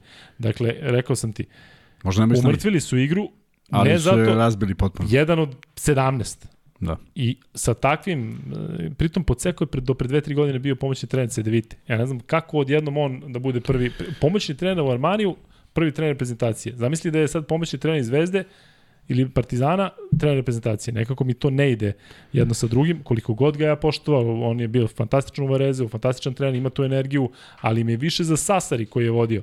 A on sad vodi reprezentaciju i baš deluju kao onako raštimovana ekipa i vidjet ćemo, eto, pobedili su Estoniju, a Estonci su Tanki. Juče sam Kant. rekao da je, da je Estonija kao korektna ekipa, ali ovo danas, pa čak i ono što smo gledali protiv Slovenije je prilično, prilično slabo. To je to što se tiče mečeva koji su odigrani danas, a što se tiče mečeva koji su na programu sutra, svi igraju sutra. Ajde mi samo malo prokomentariši e, taj sistem gde imamo praktično e, sve utakmice, odnosno e, svi timovi će igrati utakmice e, iz ugla, nas koji pratimo nećemo moći sve da ih ispratimo. Ja, ja ću moći. Ja, pa ne, ti, ti pozivaš, pazi, ti pozivaš gledalce da vrati, kao vratite ovo, vratite ovo. Vratite pa vidite što sam ja Cijele noći da vraćaju Kuzmina. A, neće moći sve, pratit ćemo ono što je najzanimljivije, mada bit će dosta Izvini, pritom Češka Srbija u 17.30. Da, da. Kako kad ja tada imam neke druge obaveze. Da. E, koji su parovi? Čitaj. E, mnogo je para oko Ajde, pa ništa onda, ajde, e, onda ne, ništa, nemoj da, da čitaš. Zašto si mi rekao da čitam? Šta ćeš pa, da kažeš sad kad malo, ti, 15 ne, ti kažeš jedan, ja kažem nešto. Sad ti stavi naoče, ja kažem nešto pa mudro, ajde. Pogledaj da li smo dobili Čekaj, novog pratioca na Instagram. Sad ću pogledam. Crna Gora, Belgija, Finska, Poljska. Če ne, jedan po jedan, bre. Zezi ti, zezi. Ne, ozbiljno, kažeš, 0, 0, 4, mi, kažeš mi crno-bela. Crno-bela. Šta si ti mislio, da mi sad pričamo o svakom meču posebno? Pa da. Dok misliš ti da ostanemo mi ovdje? Pa kako je posebno? Dve rečenice? Ajde, dve rečenice. Koji ti prvi Crna Gora, Belgija. Crna Gora, ako onaj udarac nije toliko kao što su i dali na konferenciji za štampo Simonović i, i Radović, ako nije poremetio ekipu, a zaista želim da verujem da nije, da oni mogu da pobede Belgiju, mislim da imaju ekipu da pobede Belgiju, ako odiraš protiv Uh, Turske ovakvu utakmicu ne vidim zašto ne bi pobedio Belgiju. Pravim ti rečenice. Evo gotovo. I nadam se da će to uspeti, a i zato što smo mi izgubili dva puta od Belgije, pa se radujemo svakom porazu Belgije. Da, mi Belgiju, znači, ne, ne, da, da zaratimo sa njima, samo je to ostalo. Finska, Poljska. Finska, Poljska, derbi, za Fince. Ti delo da će Finci to dobiju sada, da se malo onako izbalasio. Pa, aj sada vidimo, znaš, da. šta će oni morati isto da jure. Kad juriš, mnogo je zeznuto, a Poljska već ima jedan, jednu pobedu u džepu, može da igra staloženije, kako si sam rekao, ima tu timskih igrača dovoljno da neutrališu. Vidjet ćemo kako će Finci da odreaguju na tu, na tu pošto ni oni nisu poznati kao teški defanzivci, kako će odreagovati na očigledno dobar poljski napad i vidimo da li je Poljska u toj drugoj utakmici, da li će to bude da li je ovo bilo iznenađenje ili će ovo da bude neka rutina od Poljaka. Delo mi kao da si se spremao za meče. Kako, Kako da nisam, kažem, ceo dan sam samo to gledao. Ali bez zezanja. E, mogu, e, mogu i da ne gledam. Ajde sad reci stvarno koliko je to nerealno. Poljaci su dobili Čehije u, u 8 sati večeras, sutra u 2 igraju protiv Finaca. Ništa nije realno. Bosanci igraju 4 puta u 12 sati. Pa kako moguće jedna reprezentacija igra toliko puta u isto vreme? Igrački, pa šare šta malo. to znači? Završiš u 20, idemo da se istušamo večera, ustaneš kad radiš scouting mm, Finaca? Sutra ujutru posle doručka nema treninga ili možda se, da se ne umrtve izađu do dvorane, ne znam koliko je daleko, malo šutnu i to je to, prošetaju neke akcije Finaca ako su skautirali Markanena, eventualno njega, ove ostale. E, naš drugar i e, čovjek koji je sve ovo osmislio, Srki Erceg, je rekao da lajkujete, inače Inače ćete morati da subscribe Inače ćete morati dakle, da, da subscribe-ujete. Da, tako da stvarno lajkujte. Nešto ovo nije, imamo 1500 u live-u i ima 300 lajkova. To nešto E, ali stigne da... posle, znaš kako, daj, daj znaš kako stigne to? Daj, daj, daj, daj, nam tu, daj nam tu depešu. Da, da, da. Ovo je da. stiglo od poštara. Da, znaš kako ćemo? Čim, čim ti kažeš, čim podstiš Vanja, mi uradimo ovo. Evo, Op. zajedničkim snagom. Pa vi sad, a vi sad ovo, kako da je ovo Srki smislio, gledaj. Da, da. Opa! Hoćeš da držimo na, na sve vreme, a? Ne, imaćemo majice like. Da. Da, e, da. majice ćemo sa palcem da napravimo. E, od kad smo rekli da lajkuju, uh, nis, minus, mislim da imamo jedan, jedan like manje. Da. ne moramo nešto da ucenimo. Nema više free betova ako ne bude lajkova. Opa, idemo kontra. Sad imamo manje, sad imamo manje ovih sad. Sad, su, da. sad nemamo više gledalca. Da, uh, stvarno lajkujte. Vidite da, da... Neko što ništa. Izgubi smo 5 minuta, zašto neće da lajkujete? A, e, čekaj da, čekaj da, e, E, a čekaj da, pročitam, čekaj da. da pročitam zašto. Algoritme lajkuj. Ne. E, jel mi, doz, jel mi dozvoljaš da pročitam zašto? Ajde. Slušaj, ovo mi se pojavilo juče na studio YouTube. Ovo će da potrebe. Kaže ovako, dragi... Čekaj, mrežu nemam sada. E, evo ovako kaže, vidio. Uskoro stiže još funkcija. Zato što smo prešli ovaj određeni broj lajkova. I kaže, dodajemo još funkciju u aplikaciji Studio. Za sada idite na Studio YouTube pomoću web pregledača na telefonu i moći ćete i tako dalje i tako dalje. Dakle, zaista, zaista u posljednjih tri dana, u posljednjih tri dana se to desilo, sve zato što smo zvali češće da lajkuju i zato što je Srki rekao da ne izlazimo odavde dok ne kažemo like i subscribe. Ne, ali ajde ovako ćemo. E, trenutno smo na 473 lajka. Kad dođemo do 500 lajkova, ne, do 600 lajkova, idemo free bet. Pošto znam da Opa. ima... A? Svi Kako si ovo smislio? Dakle, kad dođemo do 600, uh, mislim da ćemo ostati bez dva, drugi, treći free bet. Ali, e, dobro, urodilo ovo plodom. Dakle, sad bez zezanja. Dakle, taj algoritam koji ja i Kuzma ne razumemo i ne treba da razumemo, je bitan da lajkujete, da ako želite da ovo naše bude da, što meni se javlja YouTube. Tako je. E, ja volim da pričam Tako je, dakle, I cela poenta niste... priče je da, da, da Kuzma to sad vidi da imamo neke funkcije. Kad si rekao, ja što volim da imamo funkcije. funkcije. A, a ja odmah direktore. Šta su funkcije? Ja odmah direktor. Tako je. E, a vidi ovo, da se pohvalimo nove majice, da se malo pohvalimo, niste ih videli do sada. Da. Bili smo danas da pohvalimo Ne, ali komentarisali su ljudi ovde kao, vidi kako su ovo, ne, da, su slatki, nismo, piše kako su slatki. I komentarisali su to što si ti crven, ne crven, kao da nije slučajno. Pritom Partizanovi, e, kakav Partizan ima baš ovakve majice. Kao to je slučajno. E, a Zvezda, Zvezda nema ovakve majice. Koliko sam obećao lajkova? Da, kad ćemo free bet? Na 5000 si rekao. Na 6. Čim dođemo do 600 lajkova, Gde smo mi stali, recite? E, gde smo stali? Koja je utakmica da čitaš sa, sa telefona i sad kao gde smo stali? Gde smo stali kod evropskog prvenstva? Dragi moji Kuzma, e, Velika Britanija i Hrvatska, da se ne zadržavamo tu puno, Nećemo, Hrvati će tu da, nećemo, tako je. da se oporave od ovoga što Tako su je. odradili danas. Dalje. Nemačka, Bosna i Hercegovina, možda jedan od najinteresantnijih Jest, mečeva sutra jest. uz ovaj naš. Da vidimo koliko Bosna može, mislim da imaju taj naboj i posle svega što su uradili, posle one velike pobede nad Francuskom, ne mogu da kažem da sada mogu da očekuju pobedu nad Nemačkom, ali mislim da su dovoljno sposobni da, da odigraju dobru utakmicu. S druge strane, veliki elan Nemaca posle ozbiljne pobede nad Francuskom i zaista derbi ovog kola možda nismo još prošli sve utakmice, ali sigurno jedna od vrlo bitnijih utakmica i volao bih da budu neizvesne. I voleo bih da ne vidim nikakve odluke sudija na samom kraju. E, naredni meč Bugarska-Turska. Bugari se raspadaju, primili su 120 pojena od Španaca, a mogli su da prime 150. Da, teško da tu može nešto da se desi, ali ni Turci nisu vrlo impresivni, tako da e, ajde da kažemo da, da, ajde, ajde da pomislimo, da zamislimo da Bugari mogu da odigraju nešto slično Holandjanima pa da ubace malo Tursku u problem, ali mislim da to nije toliko realno. Pazi šta priča o sledećem meču, o derbiju, zato što ga ja komentarišem. Estonija, Ukrajina. To komentariš. To komentarišem, a kao slučajno u isto vreme kao i, kao i naš. E, Ukrajinci favoriti, Estonci mogu da pokušaju nešto ako, ako, ako žele dalje. Ukrajinci favoriti, Estonci mogu da ga... Tako mislim Mogu da, da da u tom pokušaju, pravcu. Da. Mogu da pokušaju nešto da, da učine svoje prvenstvo interesantnim, jer uh, sledeći protivnici su im još teži, tako da ko će biti peti neće, neće biti mnogo važno, ali ovo je neka prilika da Ukrajince koje mi nismo svrstavali u favorite u grupi, da eto pokušaju nešto, mada uh, da, da nisu pobedili sami sebe protiv Italijana, mislim da, da, bi, da, da su mogli da pobede u tom meču, jer su vodili dobrih 25-30 minuta, pa su, pa su jednostavno Italijani pobedili ne nekom spektakularnom igrom koliko nekim brzim e, reakcijama Ukrajinaca. Tako da možda i nedostaje neko iskustvo, ali imaju sastav od tih 4-5 igrača koji znaju da igraju. Najveći derbi sutra jeste meč između Litvanije i Francuske. Litvanija izgubila od Slovenije, Francuska Da, izgubila da. od Nemačke i sutra igraju jedni protiv borba za drugih. poziciju, borba za ozbiljna Ozbiljni borba NBA za igrači, poznati poziciju, igrači svuda, dakle bitan meč, meč koji od- odlučuje meni nekako Francuzi posle onoga juče, a i ono što sam ti pričao protiv Češke, e, ne znam da li da ih shvatimo ozbiljno, a opet sa druge strane možda će to njima da bude onako, ajde da kažem, neki motiv da dokažu da je ono protiv Nemaca samo bio loš dan. A, možda, a možda će i, Slo, i ovaj, Litvanci dokazati da je ono bio loš dan protiv Slovenaca i da su neke bezveze Oni nisu imali toliko loš dan Nisu, protiv ne, ne, Slovenaca. samo kraj, kraj utakmice, kraj utakmice u nekim onim namernim faulovima i nečemu što su sami prouzrokovali. Da vidimo, dve drugačije škole, jedna, jedna više na, na, na šut i um, druga dosta na snagu, da vidimo kako će to da funkcioniše i da, da, da gledamo dobru košarku. Kad je, u koliko je sati to?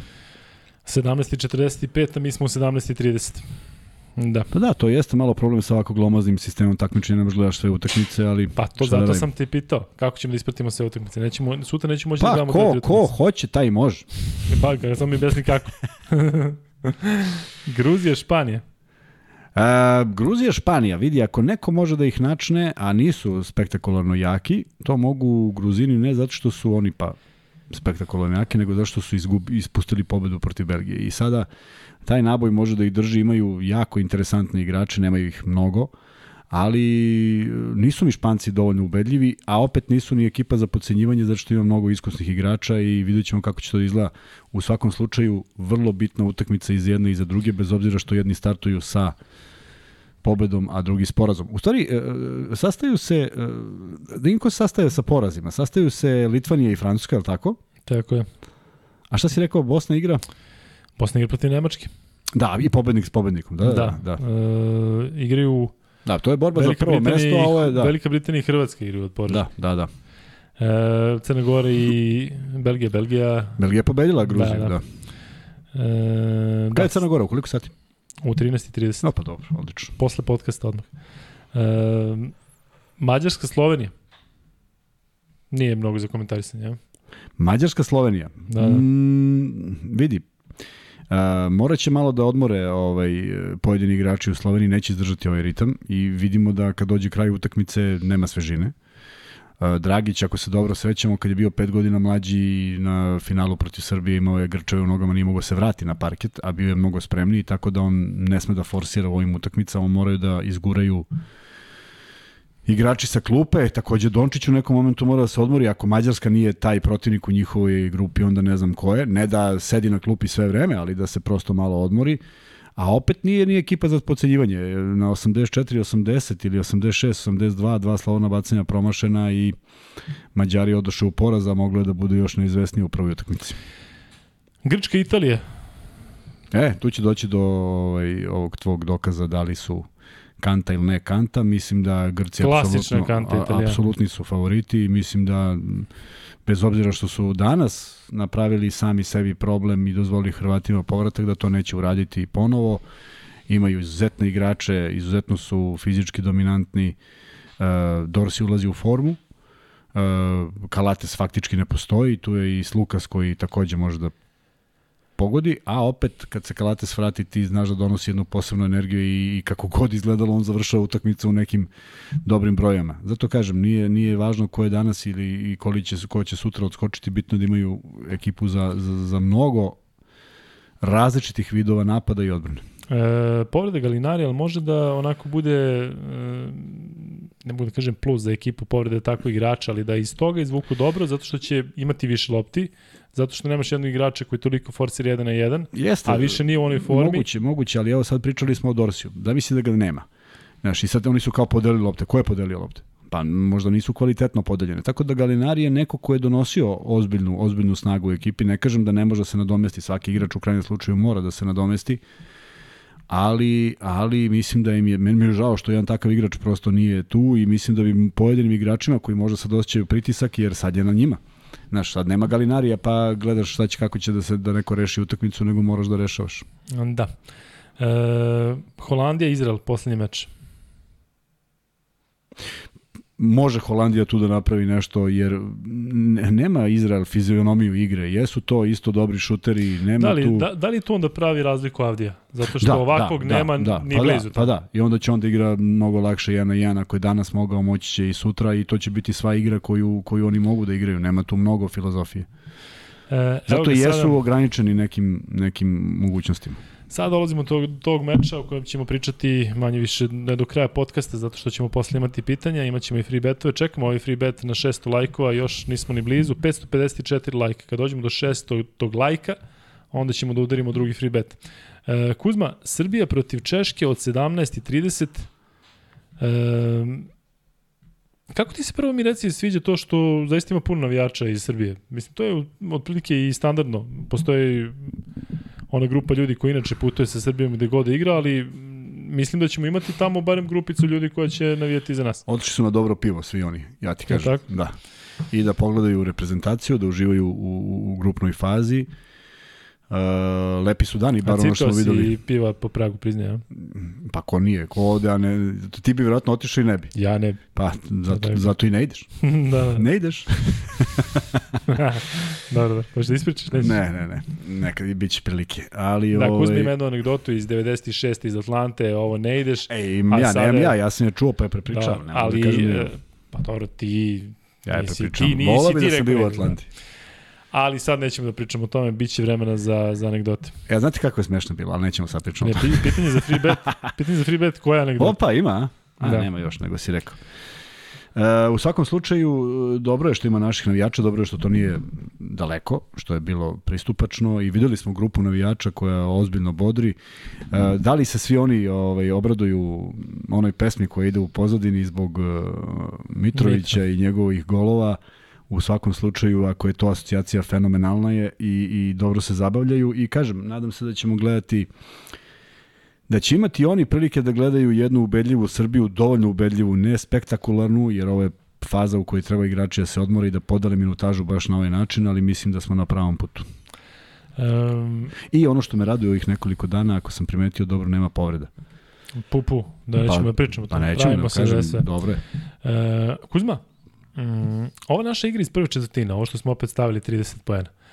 E, što si ti rekao da to nije naša igra, ali mi imamo, imamo toliko opcije u napadu. Tako imamo je. takve ljudi, Tako je. Da li mi treba tako da igramo protiv Češke ili mi e, treba da se sad okrenemo njima da vidimo šta oni igraju, da možda njih uspirimo, oni igraju brzo. Evo, primili su 99 poena od Poljaka, a nije ih išlo. Mi ne moramo da igramo brzo s njima. Da li mi treba Jer... uopšte, da li treba da nas zanima kako oni igraju ili mi igramo našu igru i oni mi igramo, Ja mislim, ne, mi treba da nas zanima kako oni igraju, defanzivno, da mi zaustavimo to što oni igraju, ali mi ofanzivno, evo, ja sad razmišljam ovako laički. Ja bih svaku loptu na početku na Jokića protiv Veselog. Da vidimo da li Veseli može izdrži taj kontakt, ako ne izdrži napravit će dva ili tri faula i sebe će izbaciti iz igre. Kad izađe Veseli iz igre, to je jedna druga reprezentacija. Ne mora nužno da znači da, da, da će izgubiti, da će biti lakše, ali jednostavno Sigurno da će Veseli uopšte da čuje Jokić. Pa nemam pojma, neko mora da ga čuva, je li tako? Pa mora, ali baš A, zato mislim da će da pa izbjegavaju onda će da jedan, drugi, treći, pa će ovaj dobije tri, pa će morati dođe novi i tako dalje. Dakle, mi moramo da igramo da iskoristimo ono što mi imamo. Kako, kako mi sprečamo njihovu igru?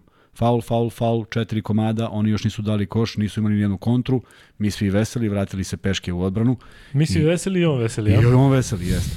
I još šest veselih na terenu. A samo jedan Jan. A mi svi veseli, pa desi to izvuka. I? Šta kaže veseli? E, i, i, uvek sam za to. Mi moramo posmatramo kako neko igra, ali ne treba da igramo njihovu igru. Mi treba da igramo našu igru. I mi smo dali 30 pojena. Jesmo mi jurili negde? Jel ti delovalo da smo mi negde jurcali?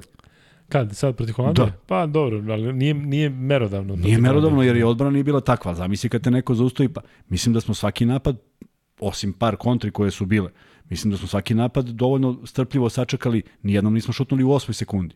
Ja o tome govorim, da mi ne moramo da žurimo jer imamo ozbiljno dobar arsenal napada uh, u početnoj petorci naročito.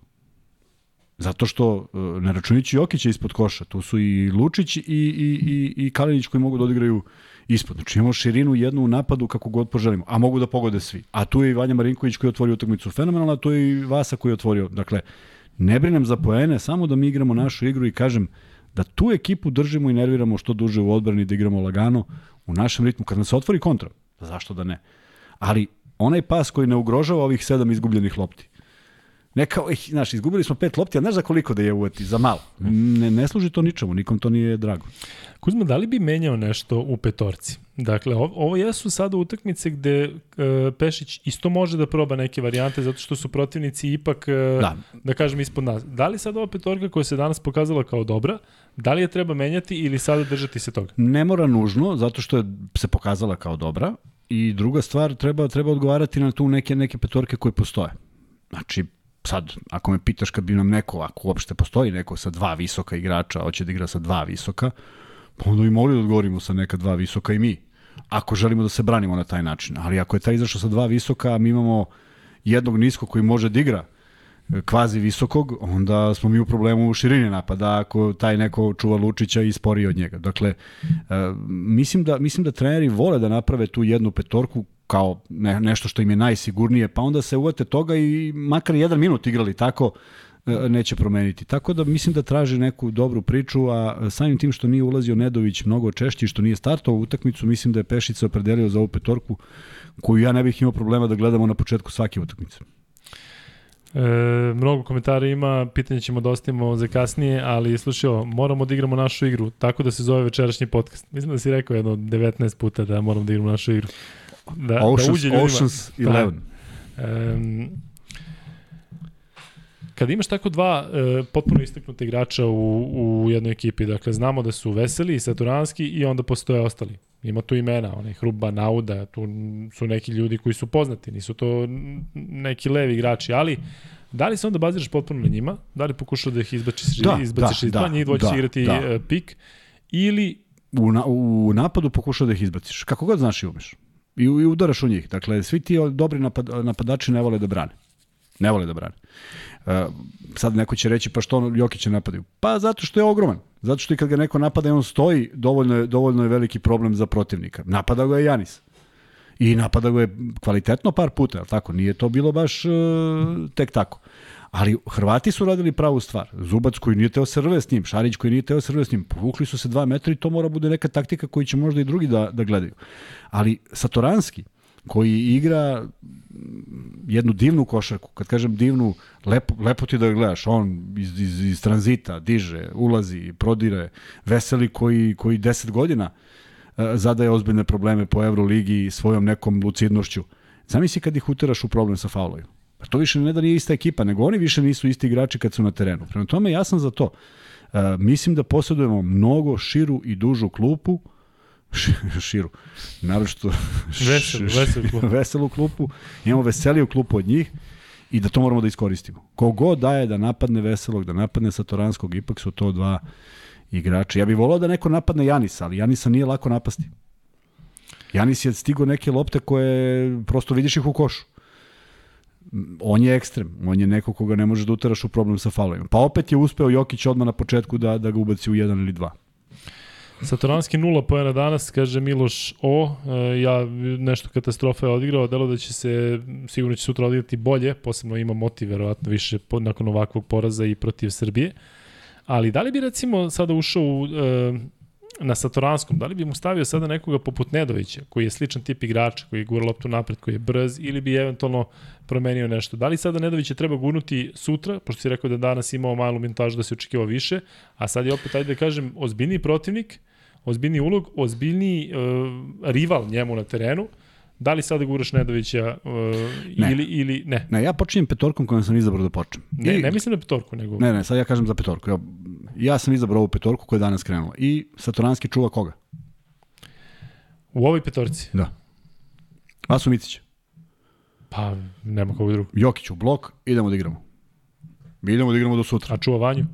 Čuva Vanju, Vanja, kretnja za Vanju, izlazak iz bloka. Vanja proda. Napadaš ga sve vreme. Naravno, mora ga napadneš.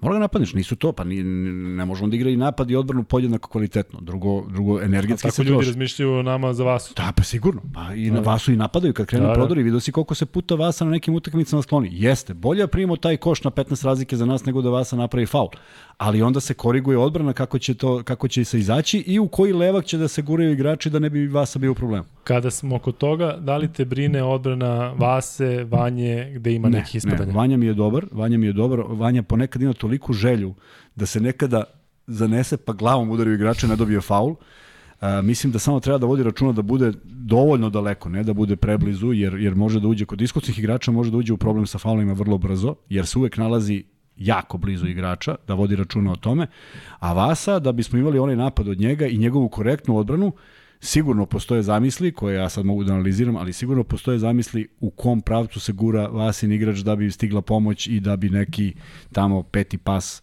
uh, koji stigne do najslabijeg, uslovno rečeno šutera, bio, bio dozvoljen. Prema tome, sigurno su razmišljali o tome, ali ja ne mislim da Vasa igra pretarano lošu odbranu, samo ne igra na nivou, igraće na nivou istu odbranu kao što igra Satoranski da bi mogao da bude svež u napadu. Znaš ko, ko mi fali u Češkoj? Sećaš Blakea Šilba što igra za Zvezdu? Sećam. Što je njihov Amerikanac. Neko mi on tu kao treća opcija, kao neko ko može da... Pa ima u tvoje godište, eto šta mu je. Znači igrali ste, igrali ste zajedno. Pa znači u najboljim godinama. Da, ali vidiš, ja mislim da se ono prostio na olimpijskim igrama.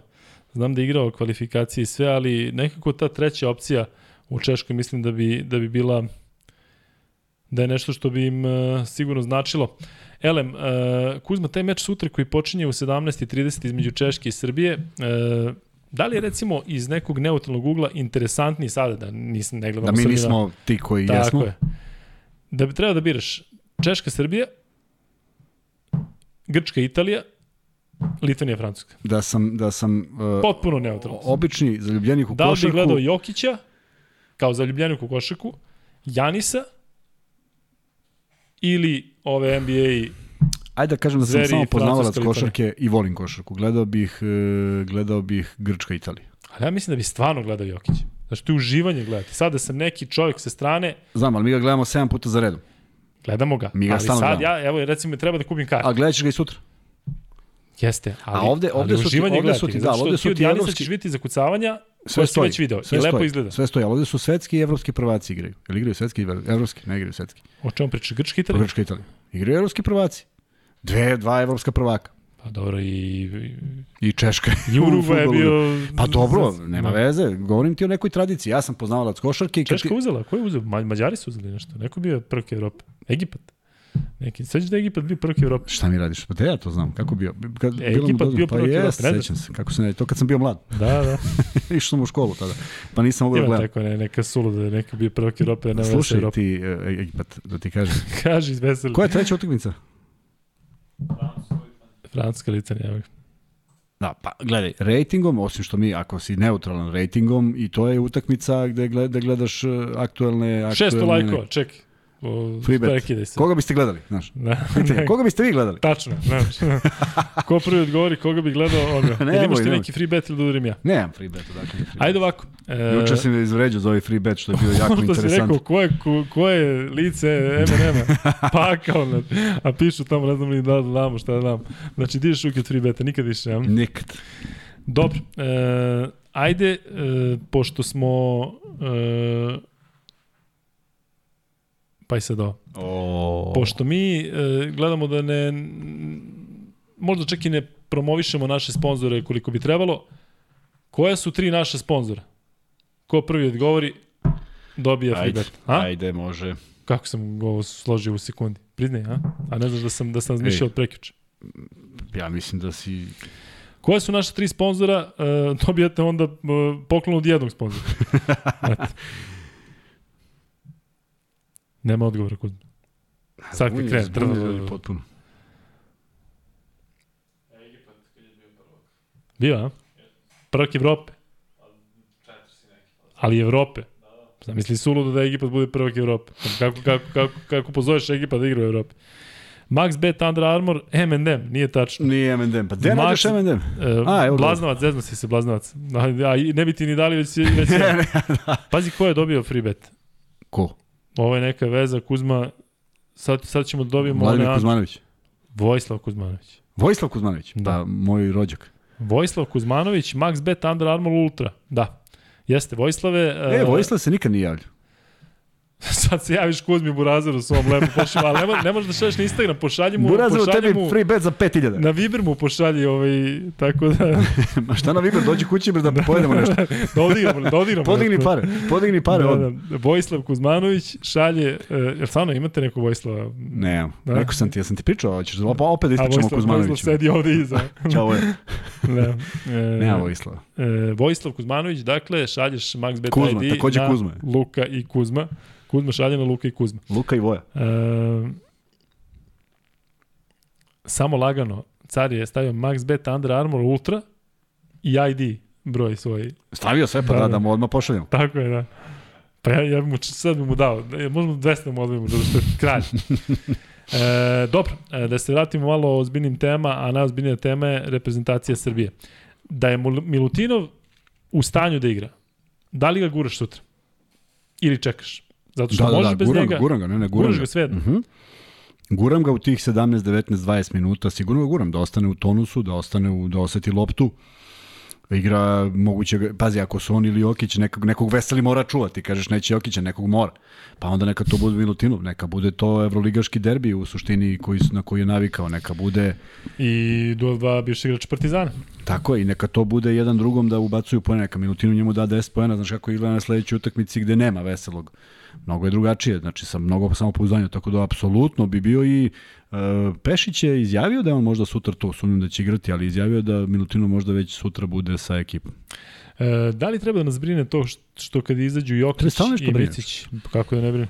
Jokić i Micić kada izađu, a? Ne, pa sad sam promenio, više se ne plašim, sada me samo brine. E, Jokić i Micić kada izađu, to se baš oseti. Da, oseti se, oseti se zato što mislim da, da je zbog toga što je, rekao si, Jaramaz igrao malo i što nema Milutinova. On, onih momenata kada je, kada je ta izmena, kada je ta zamena dolazila, nikad nije dolazila baš da su u paru izašli, uvek izađu jedan za drugim, nije se osetilo. Dakle, imali smo potpuno istu igru i potpuno je sve bilo drugačije i e, imali smo samo tamo razliku koja je bila čak i nije se osetilo uopšte, čak nikad nismo imali playmakera klasično kada je to Gudura radio.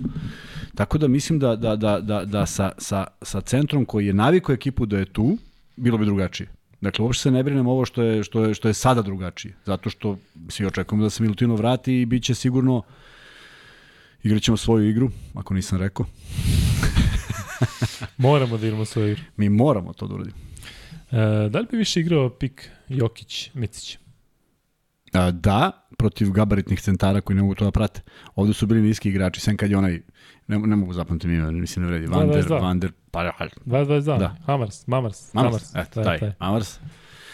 Uh, A malo je bio... pokretan je dečko. Za Jeste 2.22, pokretan, pa jeste, kako baci oni floater levom rukom. sve je to super, nego on kad napravi špik, ako neko hoće da brani, on mora napravi korak napred ili nazad, tu se napravi rupa u odbrani. Tako da sigurno da ima ideje kada napadati, ali Ovo su bili dosta niži igrači od Jokića i nije bilo svrhe i nije bilo razloga uopšte jer se ne dobija mnogo. A Vasa Micić je posle prvog bloka mogao da šutne manje više kad god je želeo. E, Kuzma, piti ovde za komentare Vlade Đurović. Ajde. Pa, ja, pričali smo Jesi pre neki imao dan. sa njim neke igračko-trenerske Ne, ne, susrete? nisam. Ne. Ja čak ovaj, vrlo simpatičan Vladu Đurovića, ovaj, stara garda i meni, meni ti njegovi komentari nisam ih slušao danas, vidim da, da se nikla neka halabuka. Da, A, meni, meni oni ne, ne mogu da kažem da mi ne prijaju ili prijaju. Prosto čovjek ima svoj stav i jeste on nekada... specifičan je, zanimljiv je, specifičan. ima I energiju. njegove priče su zanimljive Jeste. i njegov pogled na sve to zanimljivo. Jeste. I on to ne radi da bi nekog nervirao. On to radi jer on tako razmišlja. I e, mnogo puta ranije je bio kritički nastrojen i nije valjalo ovo, nije valjalo ono, a Srbija vodi 15 razlike, znaš. Tako da, ali, ali ja ga se razumem sa trenera nekog aspekta, sa, sa aspekta trenera, koji on, možda on to posmatra sigurno iz drugačije vizure nego mi, a tek obični gledalci. I, ovaj, I opet sam vidio neke komentare, ne, nešto oko Đurovića. Zašto je on, prvo, meni je simpatičan zato što postoji već toliko godina, vrlo je, v, nenormalno je fin, uh, vaspitan, kulturan, kad se da pričaš s njim. Gospodin, da, pričaš s nekim mudracem, znaš, zaista takav osjećaj imaš. I mnogo mi je bilo simpatično kad me je sreo jednom prilikom i nismo mi baš sad da, da se znamo toliko dobro, ali se, ali se znamo. I konstatuje kako mu se dopada ovo što radimo na sport klubu. I komentari i sve to. I onda je još rekao da sam šlank i da, da je to proseda kosa da mu sve to odgovara. Tako da e, i samo iz tog poštovanja je, samo iz tog, pa bih, Da, da pa bih odgovorio da ne isto bi da. tako da. A, Ne, samo iz tog, a da ne govorimo o nečemu što je radio i, znaš, neka malo pogledaju ljudi tu 85. ja bih, ja mislim, sa Zadrom i te njegove anegdote iz tog perioda kada je sa Zadrom osvojio prvenstvo Jugoslavije, što je bilo jako, jako, jako teško. A, mislim da je njemu, da je njemu a, veliki problem bio njegov temperament. Dakle, on je imao, ne, radio u neviđenim klubovima. Pravio neverovatne rezultate do određenog momenta, trećeg, četvrtog, petog meseca i onda se nešto desi. E, tu je sad to što, da li on mogao to da istrpi. Počne da bije, a? Pa takav je, takav je prosto i, i ne, treba, ne treba uopšte zaboraviti da je on jedan od trenera koji je radio dugo u, u Grčkoj i podigao na neki način grčku košarku i obrazovao mnoge grčke igrače koji su sada treneri i tako dalje. Prema tome, veliki je doprinos Vlade Đurovića za razvoj i srpske i grčke košarke i košarke uopšte. E, ovde sada non stop pišu Vlade Đurović da dođe u podcast. Podcaste radimo u ovom trenutku u 12 sati. Meni bilo neprijatno da zovemo čoveka da kažemo Vlade dođite u 15 za 12. Još zna, znate da kasnimo, tako da e, kada ustalimo, ali imat ćemo, sada kad prođemo ovu fazu, sutra igramo protiv Čeha u 17.30, sve ostale mečeve igramo u 21 čas. Ja mislim da će nam, bit će prilike da radimo i u 21, a manje, tako? Ponedljak sigurno, da. E, 86. sa Zadrom, evo javlja ovde Milan Joksimović. E, Kuzma, ajde sada da pričamo taj neku temu, pošto smo sve teme prošli. Ajde sada bez zezanja da malo vi postavljate pitanja, a Kuzma i ja da Ajmo, ajmo malo pitanja, zato što vidi, e, sad je 1.20, jesmo mi kasnije počeli, ali smo koliko, sat i po, u, sat i 20 minuta. E, e, e, e, ušli smo duboko u noć, a opet ono što smo pričali, želimo da ostanemo i dovoljno interesantni. Ne možemo sad opet još sat i po da opalimo, ne, ne, jer ulazimo imamo, u drugi imamo dan. da odgovorimo na pitanja, Da. imamo free bet i e, Da bismo- da bismo danas ćemo mogli- trajati manje od 2 sata, Da. zato što Da, da, ne bismo mogli da, da budemo interesantni, ne može da bude ispričali smo manje više dosta toga što je bilo danas. Ako ima neko nešto što je zapazio danas, eto ja sam naveo Ima, ove da, stvari. bilo je gore, ali e, toliko brzo sada kad imamo Pa ovoliko znam, ljudi, znaš jest, koliko brzo jest, leti sve. mnogo je dakle, teško ne mogu, da se sve isprati. nemoguće je naći. E, ako niste udarili like, udarite like, zato što meni stalno pričaju da morate da udarite like i ja to prihvatam, ajde da lajkujemo. E, a kako nas je lik isevao sa tonom na početku, a? Šta nam je uradio? Zapis kako se zove? Šta? A ali misliš da je neko ko, ko se zeza ili stvarno njemu ne radi, možda nije mutirao se? Voice, Šta? svi rekli Irena, Srđan da je to super, nije bukvalno sve bilo okej. Da. Kaže Vojislav, ja koliko sam upoznat nemamo vezu po rodbinskoj liniji, ali može već freebet. Evo ti pitanje. Da li mislite da Mario Nakić e, iga, e, da li mislite da će Mario Nakić ikada zagrati za Srbiju? Baš bih volio da ga vidim u dresu. Pa Mario Nakić trenutno nije na nivou da igra u 12 za Srbiju, a? Si tu, Kuzma? Jesi još sa nama? A, pričao sam sa Nakićem, Ivom, i podsjetili se nekih fantastičnih Sad će da bude, momenta. pa što ne dođe u podcast. Mislim da nije trenutno u Beogradu. Da jeste i mislim da je gostovao kod Miklje i da je bio kod Igora Miklje da je tamo pričao i onda ne želi da bude nešto pretrano po medijima. Ja bih voleo da dođe, ja sam ga čak i pitao da dođe, ali kažem, to je bio period kad je već imao zakazane neke intervjue. I znam samo da mi je jednom ispričao da, da apropo onoga da li je Mario, da li će igrati za Hrvatsku i za Srbiju, kaže da su u Hrvatskoj tek kad ima 14 godina saznali da Ivo ima sina. Tako da on nema te odnose sa Hrvatskom kako mi mislimo da ima u smislu odrastanja, jer je odrastao u Beogradu i nema razloga da, da, da ne bude neko ko se osjeća Beograđaninom uh, i odmah da razbijem tu, to što i dan danas postoji. Teoretske šanse da Luka Dončić za Srbiju nije bilo. Jer je u prvom razgovoru dečko rekao ja živim ceo život u Sloveniji. A koga je pitao? Pitali su ga svi. Jesu, ja? Jesu, da. I to je Zato što je sigurno bilo tako. priče kao ma, niko nije pitao. Ma ne, ma nema, nema veze. Dečko lepo rekao, ja sam tamo, to je moje društvo, živim tamo ceo život i kraj svih priča. E, Kuzma i Luka komentar na igru Smita, pleja hrvatski. Pa boga mi dobar. Ja nisam očekivao da će Pa biti ne toliko dobar. pogodi kad treba. Mm, ali je pogodio toliko da dođe do toga da, da bude završnica. E, imam nešto od Nebojše Ćirkovića iz, iz, Ne bi se zadržao više na Smitu. Ne bi, iz. Amerike, ne bi, da. Ajde. Kaže ovako, malo kasnim s pitanjem, e sad ja stvarno ne znam, ali možda ti znaš. Kad je Jani zakucao u zadnjem minutu posle odigravanja Zubca, imali napad samo u 14 sekundi posle ubacivanja sa strane. Ja ne mogu da vratim sa to. Mm, Znači, zašto bi oni imali 14 sekundi posle ubacivanja? Ili su uzeli timeout? Pa, verovatno, posle da, time outa nema drugog da, objašnjenja. Nema drugo, da. Ako misli za kucavanje ono Janisovo Jest, leđa, Jest. da, bio je a ta 86-82 time out. Mladen Orelj kaže, oba puta guranje bilo očigledan faul napadu. Na onu moju konstataciju, hvala Mladene.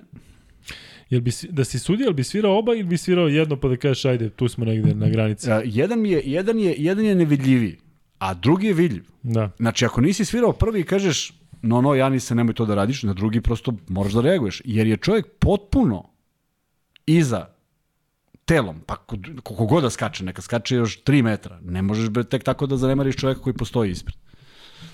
Šta kažete o partijama Amerikanaca za sada dominiraju na prvenstvu? Toby, Dorsey, Smith, Slotter, a ovde gore isto imamo pitanje šta mislite o naturalizaciji igrača za reprezentacije. Pa dosta smo pričali o tome, ali hajde još malo. Um, nekima to treba i nekima je to okej, okay, je tako? Jeli Kuzma? Da, neko je našao nešto što mu treba. Mada, aj sad da pričam da li, je, da li, su, da li su, kako su Grci zaključili da, da im Dorsi treba na plejadi ovih igrača koji imaju i još aktivne playmakere, ali Pa dobro, nemaju šutera, treba, on je šuter, šutera, da, nemaju šutera, broj čovjek. 2, jeste. Ne znam, neko pogodi, neko ne pogodi, bilo je ovakvih i onakvih promašaja, neko je donosio, neko nije donosio. Kako bih rekao, ja i dalje pričam ono što mislim da je naš, naš, na, naša najveća boljka, mi priznajemo time jedan poraz, nacionalni poraz. Da u sportu u kojem smo napravili to što smo napravili i bili to što smo bili, a mene boli to što jesmo bili to što smo bili, i strašno ne volim kad mi neko kaže kako drugi, jer me uopšte nikad nije zanimalo kako drugi. Znaš kao, kako sad ovi? Pa šta me briga kad smo mi bili uvek pioniri u svemu i zaista smo bili 70 godina pioniri u svemu. E onda mi je krivo što, što više nismo pioniri i što, što ne donosimo nešto novo i što mi ne stvaramo to nešto što je potrebno, bez obzira koliko me ubeđuju, pa za to je potrebno vreme. Imali smo svo vreme ovog sveta da napravimo playmakere i, i, i druge igrače u jednom boljem sistemu, u jednoj zaštiti igrača, u jednom uh, u jednoj u jednoj ej, u jednoj proceni da je to taj igrač. Znači neki neki mozgovi, neki Vlada Đurović, neki ljudi koji su treneri kažu ej ovog vredi gurati. Nekad je to bilo tako. Nekad stvarno, e, e, jel veruješ ti kada Ranko Žeravica pošalje dete na kaljenje u neki klub? Jel misliš da neko pita ko si i šta igraš? Ma tebi je bre prosto crveni tepih i ideš tamo da igraš 48 minuta ako treba samo da se ispuni želja čoveka koji je bio vizionar. Sad toga nema, nema autoriteta, svako će da ti kaže da, da li si dobar ili loš, bez obzira ko to preporuči. Koga vidite kao idealnog protivnika iz grupe sa kojom se ukrštamo, Italija, Hrvatska ili Ukrajina? Mislim da ih sve dobijemo. Hrvatska ne funkcioniše kao tim, Italija rekao sam da puno oscilira. E, Kada kažemo Kanta, mislim na, na Kanta ekipa uh, tog tipa. Dakle, ne mislim da su sada oni najgori na prvenstvu, već jednostavno od Italije ipak očekuješ da nešto uradi. Italija nas je sa igračima koji su u ovoj reprezentaciji, taj Pajola je bio u, u pioniru, izbacio nas je, nismo išli na, na olimpijske igre, Manion i ostali, a sada bi trebalo kao da imaju još jači tim. Ali meni ne delo da funkcionišu, možda se podignu tokom samog prvenstva. Ukrajina je zaista za nijansu uh, slabija od njih, a opet s druge strane mislim da je mnogo slabija od nas, tako da iskreno nemam problem ni sa kim, ali podrazumeva se podrazumeva se da je Ukrajina od te trojke i najbolja. Milan 97 pita nešto, da ne čitam sada u vezi ovih prenosa, da, mislim da imamo i jače turnire, one contender serije. E, Kuzma, ili imaš pitanje za treći... Ja, je, pokušam da nađem. Slušaj foru, Ajde, samo da nađem. uf. Mišljenje o negranju Nikole Vučevića za reprezentaciju Crne Gore. Pa, verovatno je žela pauzu ili već šta. Ne znam, nismo čak pričali o... Da, kad je bio ovde nismo čak ni, ni potezali tu temu. Verovatno ima nešto. E, njegova želja i taj dolazak kad je došao i sve, govori mi da, da nije bilo, da je želeo. A sad, da li jeste i kako Tako, se sve pa to- igrao je, ne možete kažete Tako da je. nije igrao, čovjek je igrao. Čekaj samo da nađem. Ti dok nađeš Kuzma, počet će meč protiv Češke. Pitanje za obojicu. Boske, Boske, Boske kaže, slušajte kaže Ajde. Boske. Evo pitanje za free bet.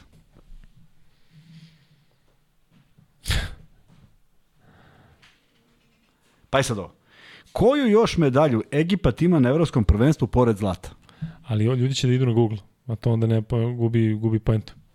A ovako misliš odgovaraju bez Google. Pa ne, pa kada odgovoriš, kada kažeš ovo, neće sigurno da kuca na Google ko, ko nam je sponsor. a, Dobro, ajde. Pa tako? Ajde. Ajde, sad on uvode na Google, ko prvi na Google ko ima brži, brži internet. Pa i ovde ko Da, prvi. sigurno, sigurno sam da ljudi ne znaju da ovde da neko zna da iz topa izbaci koji, koji Egipat ima Svako medalju bi znao, pa to svaki drugi naš gledalac zna. Može ovo bet. Ajde. Ajde. Je? Znači A to će da znaju. To ne znamo mi. A znaš ti? Ako Vanja znao. Ajde. Vanjino pitanje je, ako ga niste čuli, ko je danas postigao najviše poena od igrača na svim mečima koji su igrani na Evropskom prvenstvu? E, daj kada na Kuzmu. Da. E, sad, daj on, onaj, nešto mi daj neki znak. A pa po, pročitat ću ja. Šta? Dobro, dobro. E, ne, u mene zanima, sad sam mislio. ovaj, ko je danas dao najviše poena uh, od svih koji su nastupali? Evo, imaju ljudi ovde. Pa ljudi su odgovarali na ovo tvoje pitanje koje nismo uopšte prihvatili. E, jesi pročitao, Vanja? Piše da je De Jong, 28. Jel jeste? Koji De Jong? Frankie. E, Nisu dali puno ime. Frankie and Frank. Nisu dali puno ime. Da neko zna šta, šta je Frankie and Frank? To ako neko zna, taj je car. E, ali, Vanja, priznajemo sada, u stvari Blaznacu ne možemo da priznamo zato što je već dobio jedan free bet. može, Blaznače, pravilo je da ne možeš da dobiješ više Ali on je nov, beta. pa nije znao da ne može. Da. E, De Jong 28, Uroš Perović je odgovorio prvi, je li tako, Vanja? Gledam, gledam, posle ovo. Da, Uroš P. A, da, Adam Iverson je pisao 28. ali. Bilo pitanje ko je. Da, da, da, ali ne, Iversone, ovaj, ne možemo da ti prihvatimo zato što je bilo pitanje ko je. Tako da, uh, Uroš Perović neka pošalje na MaxBet, uh, na Instagram nalog, m, na Instagram Luka i Kuzma pošalješ MaxBet pretplatite ID. se i lajkujte. Da, pretplatite se i lajkujte. E, Kuzma, hoćemo lagano da završamo, a? Da, Šta misliš? da, mislim da smo sad tipa već tu, a? E, da, svaki dan ćemo biti zajedno, tako da otprilike ideja da budemo nekih e, između sat i po i dva, možda malo više. E, I zaista nam je drago što ste u likom broju, dakle mi sad treba da se isključimo, imamo 1400 ljudi u, u live-u 1600, onda još Da. dva minuta. i još jedan free bet. Ja? da. Ne, a, E. ljudi, e, nije problem, nije ovo, nije ovo, nama ovo ne predstavlja napor, bez obzira na dan kako prođe, Ne, zaista uživamo. vama. Mi smo jedni... Nego zaista vas. želimo da pričamo nešto smisleno, da sad ljudi koji nisu u live-u, koji pogledaju sutra, konstatuju da je ovo bilo opet kvalitetno, koncizno i da su imali šta da čuju. Ja bih voleo da mi tri dana pričamo o nečemu i meni to ne predstavlja problem. Videli ste koliko mogu da pričam i o Čekaj, temama Vanja, koje mogu da da, je Markanen pričam. dao 33 poena. E, to sam vas čekao. Znači, Urke, šta Vanja, sad? ako je Markanen dao 33 poena, Tri, ali, na, u produ, našem ali na produžetak. kanalu, znači. naš, ali produžetak. Da- Mene niko i ne sluša više ovde. Šta? Finska igrala danas. Finska e, E, ali ne, mislili E, smo da, na danas, mislili smo danas od E, ponoći. vas dvojica ne postavljate više nikada pitanja za free Pa mi smo ti rekli I posle nećemo da sad pošaljemo. kadar na meni, ja u kanalu. Ne, ne, pomere Pa šta da radimo sad? Vrati sad kadar, nemoj vrati kadar. Čovjek koji free bet. Vrati kadar tamo, Vanja. Vrati ste? kadar. Tako? Da. Ali šta da radimo sad? Ajde, pusti sad ko je, šta je, šta da radimo? Da li da udaramo novi free bet ili šta? Ne, ne, ne, Uroš je, Uroš je dobio, mi smo Pa pogrešili, Uroš, izvinjamo se. Uroš je dobio po, pogrešnim odgovorom. Pa, javio se prvi. Javi se prvi da pogrešni odgovor. Evo, ja čast free bet, može. Bilo je pre neki podcast 4, ili tako? Smo jedan Bilo je, da. Pa te bre, streljaće nas ovi bre čoveče iz... da, da. Ima max bet, više Uroš, nećete Uroš vidjeti, poslao, više nećete Uroš vidjeti max poslao, bet. Uroš poslao free bet. I šta ja mu kaže? Dobro, izvinjamo se svima što smo pogrešili, u buduće će biti manje Egipta i manje Markanena, Markonena, tako da ovaj... E, pazi, Milan kaže, imam us- osjećaj da Luka može ovo da vodi 8 sati, da Kuzmu smori posle sat vremena, a da je Vanja smoren ceo život. pa nije, nije baš tako. E, I ne bi baš mogao 8 sati. A Milane, bar ti bi trebalo da znaš, pošto vidio sam da praviš šta i kako. Vi ćete gosti kad bude trajalo 4-6 sati, kad budemo obarali rekord, vas dvoje ćete sigurno biti jedni od gostiju. Šta kad budemo? Kad budemo obarali rekord Guinnessov, Dobro. podcast ćemo napraviti da traje 4-6 sati. Pa dobro, smenjuju se ljudi, tako. Pa da, vi ćete biti jedni Pa nego šta će. I ja mogu više od. Ksander I je... ja mogu više od sati. i. Ksander je donirao, evo Ksander hoće da, da, ovaj, da ne završamo. Ksander, hvala ti. I hvala Nikoli Jovanoviću koji je prvi ovaj, pokazao da ovde može da se donira tokom, tokom samog live i tokom samog čata. Lepe to gest, zaista. E, ali mi moramo zaista da završamo, tako da nećemo više free bete, tako ovde ljudi traže, psuju, hoće da biju. Hm? Si, Ti pišeš poruke, baš rekao adresu, šalješ mailove, ja. si rekao adresu na kojoj živiš? Pa nego šta si. E, evo, a zezujete konstantno, znači nek priča Kuzma malo o Winston Juba ligi, ali sprdaju se, znaš. Znam da se sprdaju, da. BFC sa Čičom mogu da se sprdaju. Kada, kada je 96. kad smo rekli ima anegdote, kaže mora da iz BFC-a. E, tako da, evo, kaže Memento, alo, ukrili ste mi free bet. Eto. Ne, ne, ali baš da vidimo sada da li smo ukrili Memento free bet. Ja ne mogu više da idemo na gore. Šta ste mi uradili, Vanja? Šta ste mi uradili? Ej, nema, nema, mislim, mi ovde nemamo sad nekoga da ubacimo ili da ne ubacimo. Šta izađe nama prvo i šta sad radimo? Čekaj da vidim baš da li smo mi sada Memento Nije, nije Memento, nismo tebe zeznuli zato što je VV prvi odgovorio Markan. Ilija Marković je odgovorio Markane. Znači, Blaznovac je rekao da Jong, Alan Iverson 28, BZZ je nešto napisano, ne znam šta je, pa Ilija Mirković je rekao da je Markanen. Kako li smo tebe zeznuli za free bet? A ko ima? Ajde sad A što napisim. Markanen? Šta? Ilija? Mirković. Ajde, Ilija Mirković, stvarno, evo da ispademo pošteni, uh, Ilija uh, Mirković nek se javi Vanji za free Tako bet. je, da, da. na, na vanjen Instagram. Javi se Vanje. Instagram. Tako je. Čekaj da da, da ovde nismo nešto drugo. Da. Kako li smo tebe zeznuli za free bet, baš me, baš me, baš me zanima. Zato što je Memento je stavio da Egipat nije imao ni jednu još medalju. Šta je stavio? Da Egipat nije imao ni jednu medalju, a sad ne znamo da li je to tačno. Nije tačno. Ima zlatnu i bronzanu. Pazi, Memento, em što si odgovorio na pitanje koje nismo uopšte postavili za free bet. Em što si odgovorio pogrešno. Em sad kaže da smo te zeznuli. I sa tim ćemo da završimo, ali ovaj nema, šalimo se malo, naravno nije ovaj... Egipat je igrao četiri puta evropsko prvenstvo. Šta je bio? Ma da, bre, Pa da, bre. Egipćani su ovaj... Zlato 49, bronza 47. Dakle, rekli smo, ima četiri free beta, častimo, kad nam, kažem ti, u jednom trenutku, znaš Kuzma, samo više neće se max bet eh, pojavlji, pojaviti ovde, tako da da se ne znamo sa E, tim. ali samo jednu stvar da kažem. Ajde, Zaista, ti koji si rekao da treba da završamo u sat i po da ne bi bili dosadni ljudima, reci jednu Tako da što je Ajde. vrlo važno, ovo je Ajde. možda i najvažniji. Moramo da sutra igramo svoju igru. Ne, da se zahvalim i to, i to je vrlo bitno. Dobro. I da se zahvalim, zaista ste, ovaj, e, pričali smo sinoć posle podcasta i negde smo napravili opkladu koliko će biti pregleda između dva dana, između prvog i drugog dana i zaista ovih 14.000 samo da utišam ton, da ovaj prestane. Ubijam se. Ne mogu da ne mogu, pa ne mogu, nestalo Šikni mi ga, se. šikni ga, baci ga, znači da... Pa pazi, njemu to ide i on nešto pritiska Pa ne, i njemu to i dalje ide. Pa ne, neće. Znači on pritiska, on gasi to ide. ne, ne, ne, ne sklanja se. I sad ne mogu da nađem gde. E da, Ja i dalje ne znam šta je to toliko važno. Ajde. Pa važno je zato što je između dva dana bilo 14.822 pregleda.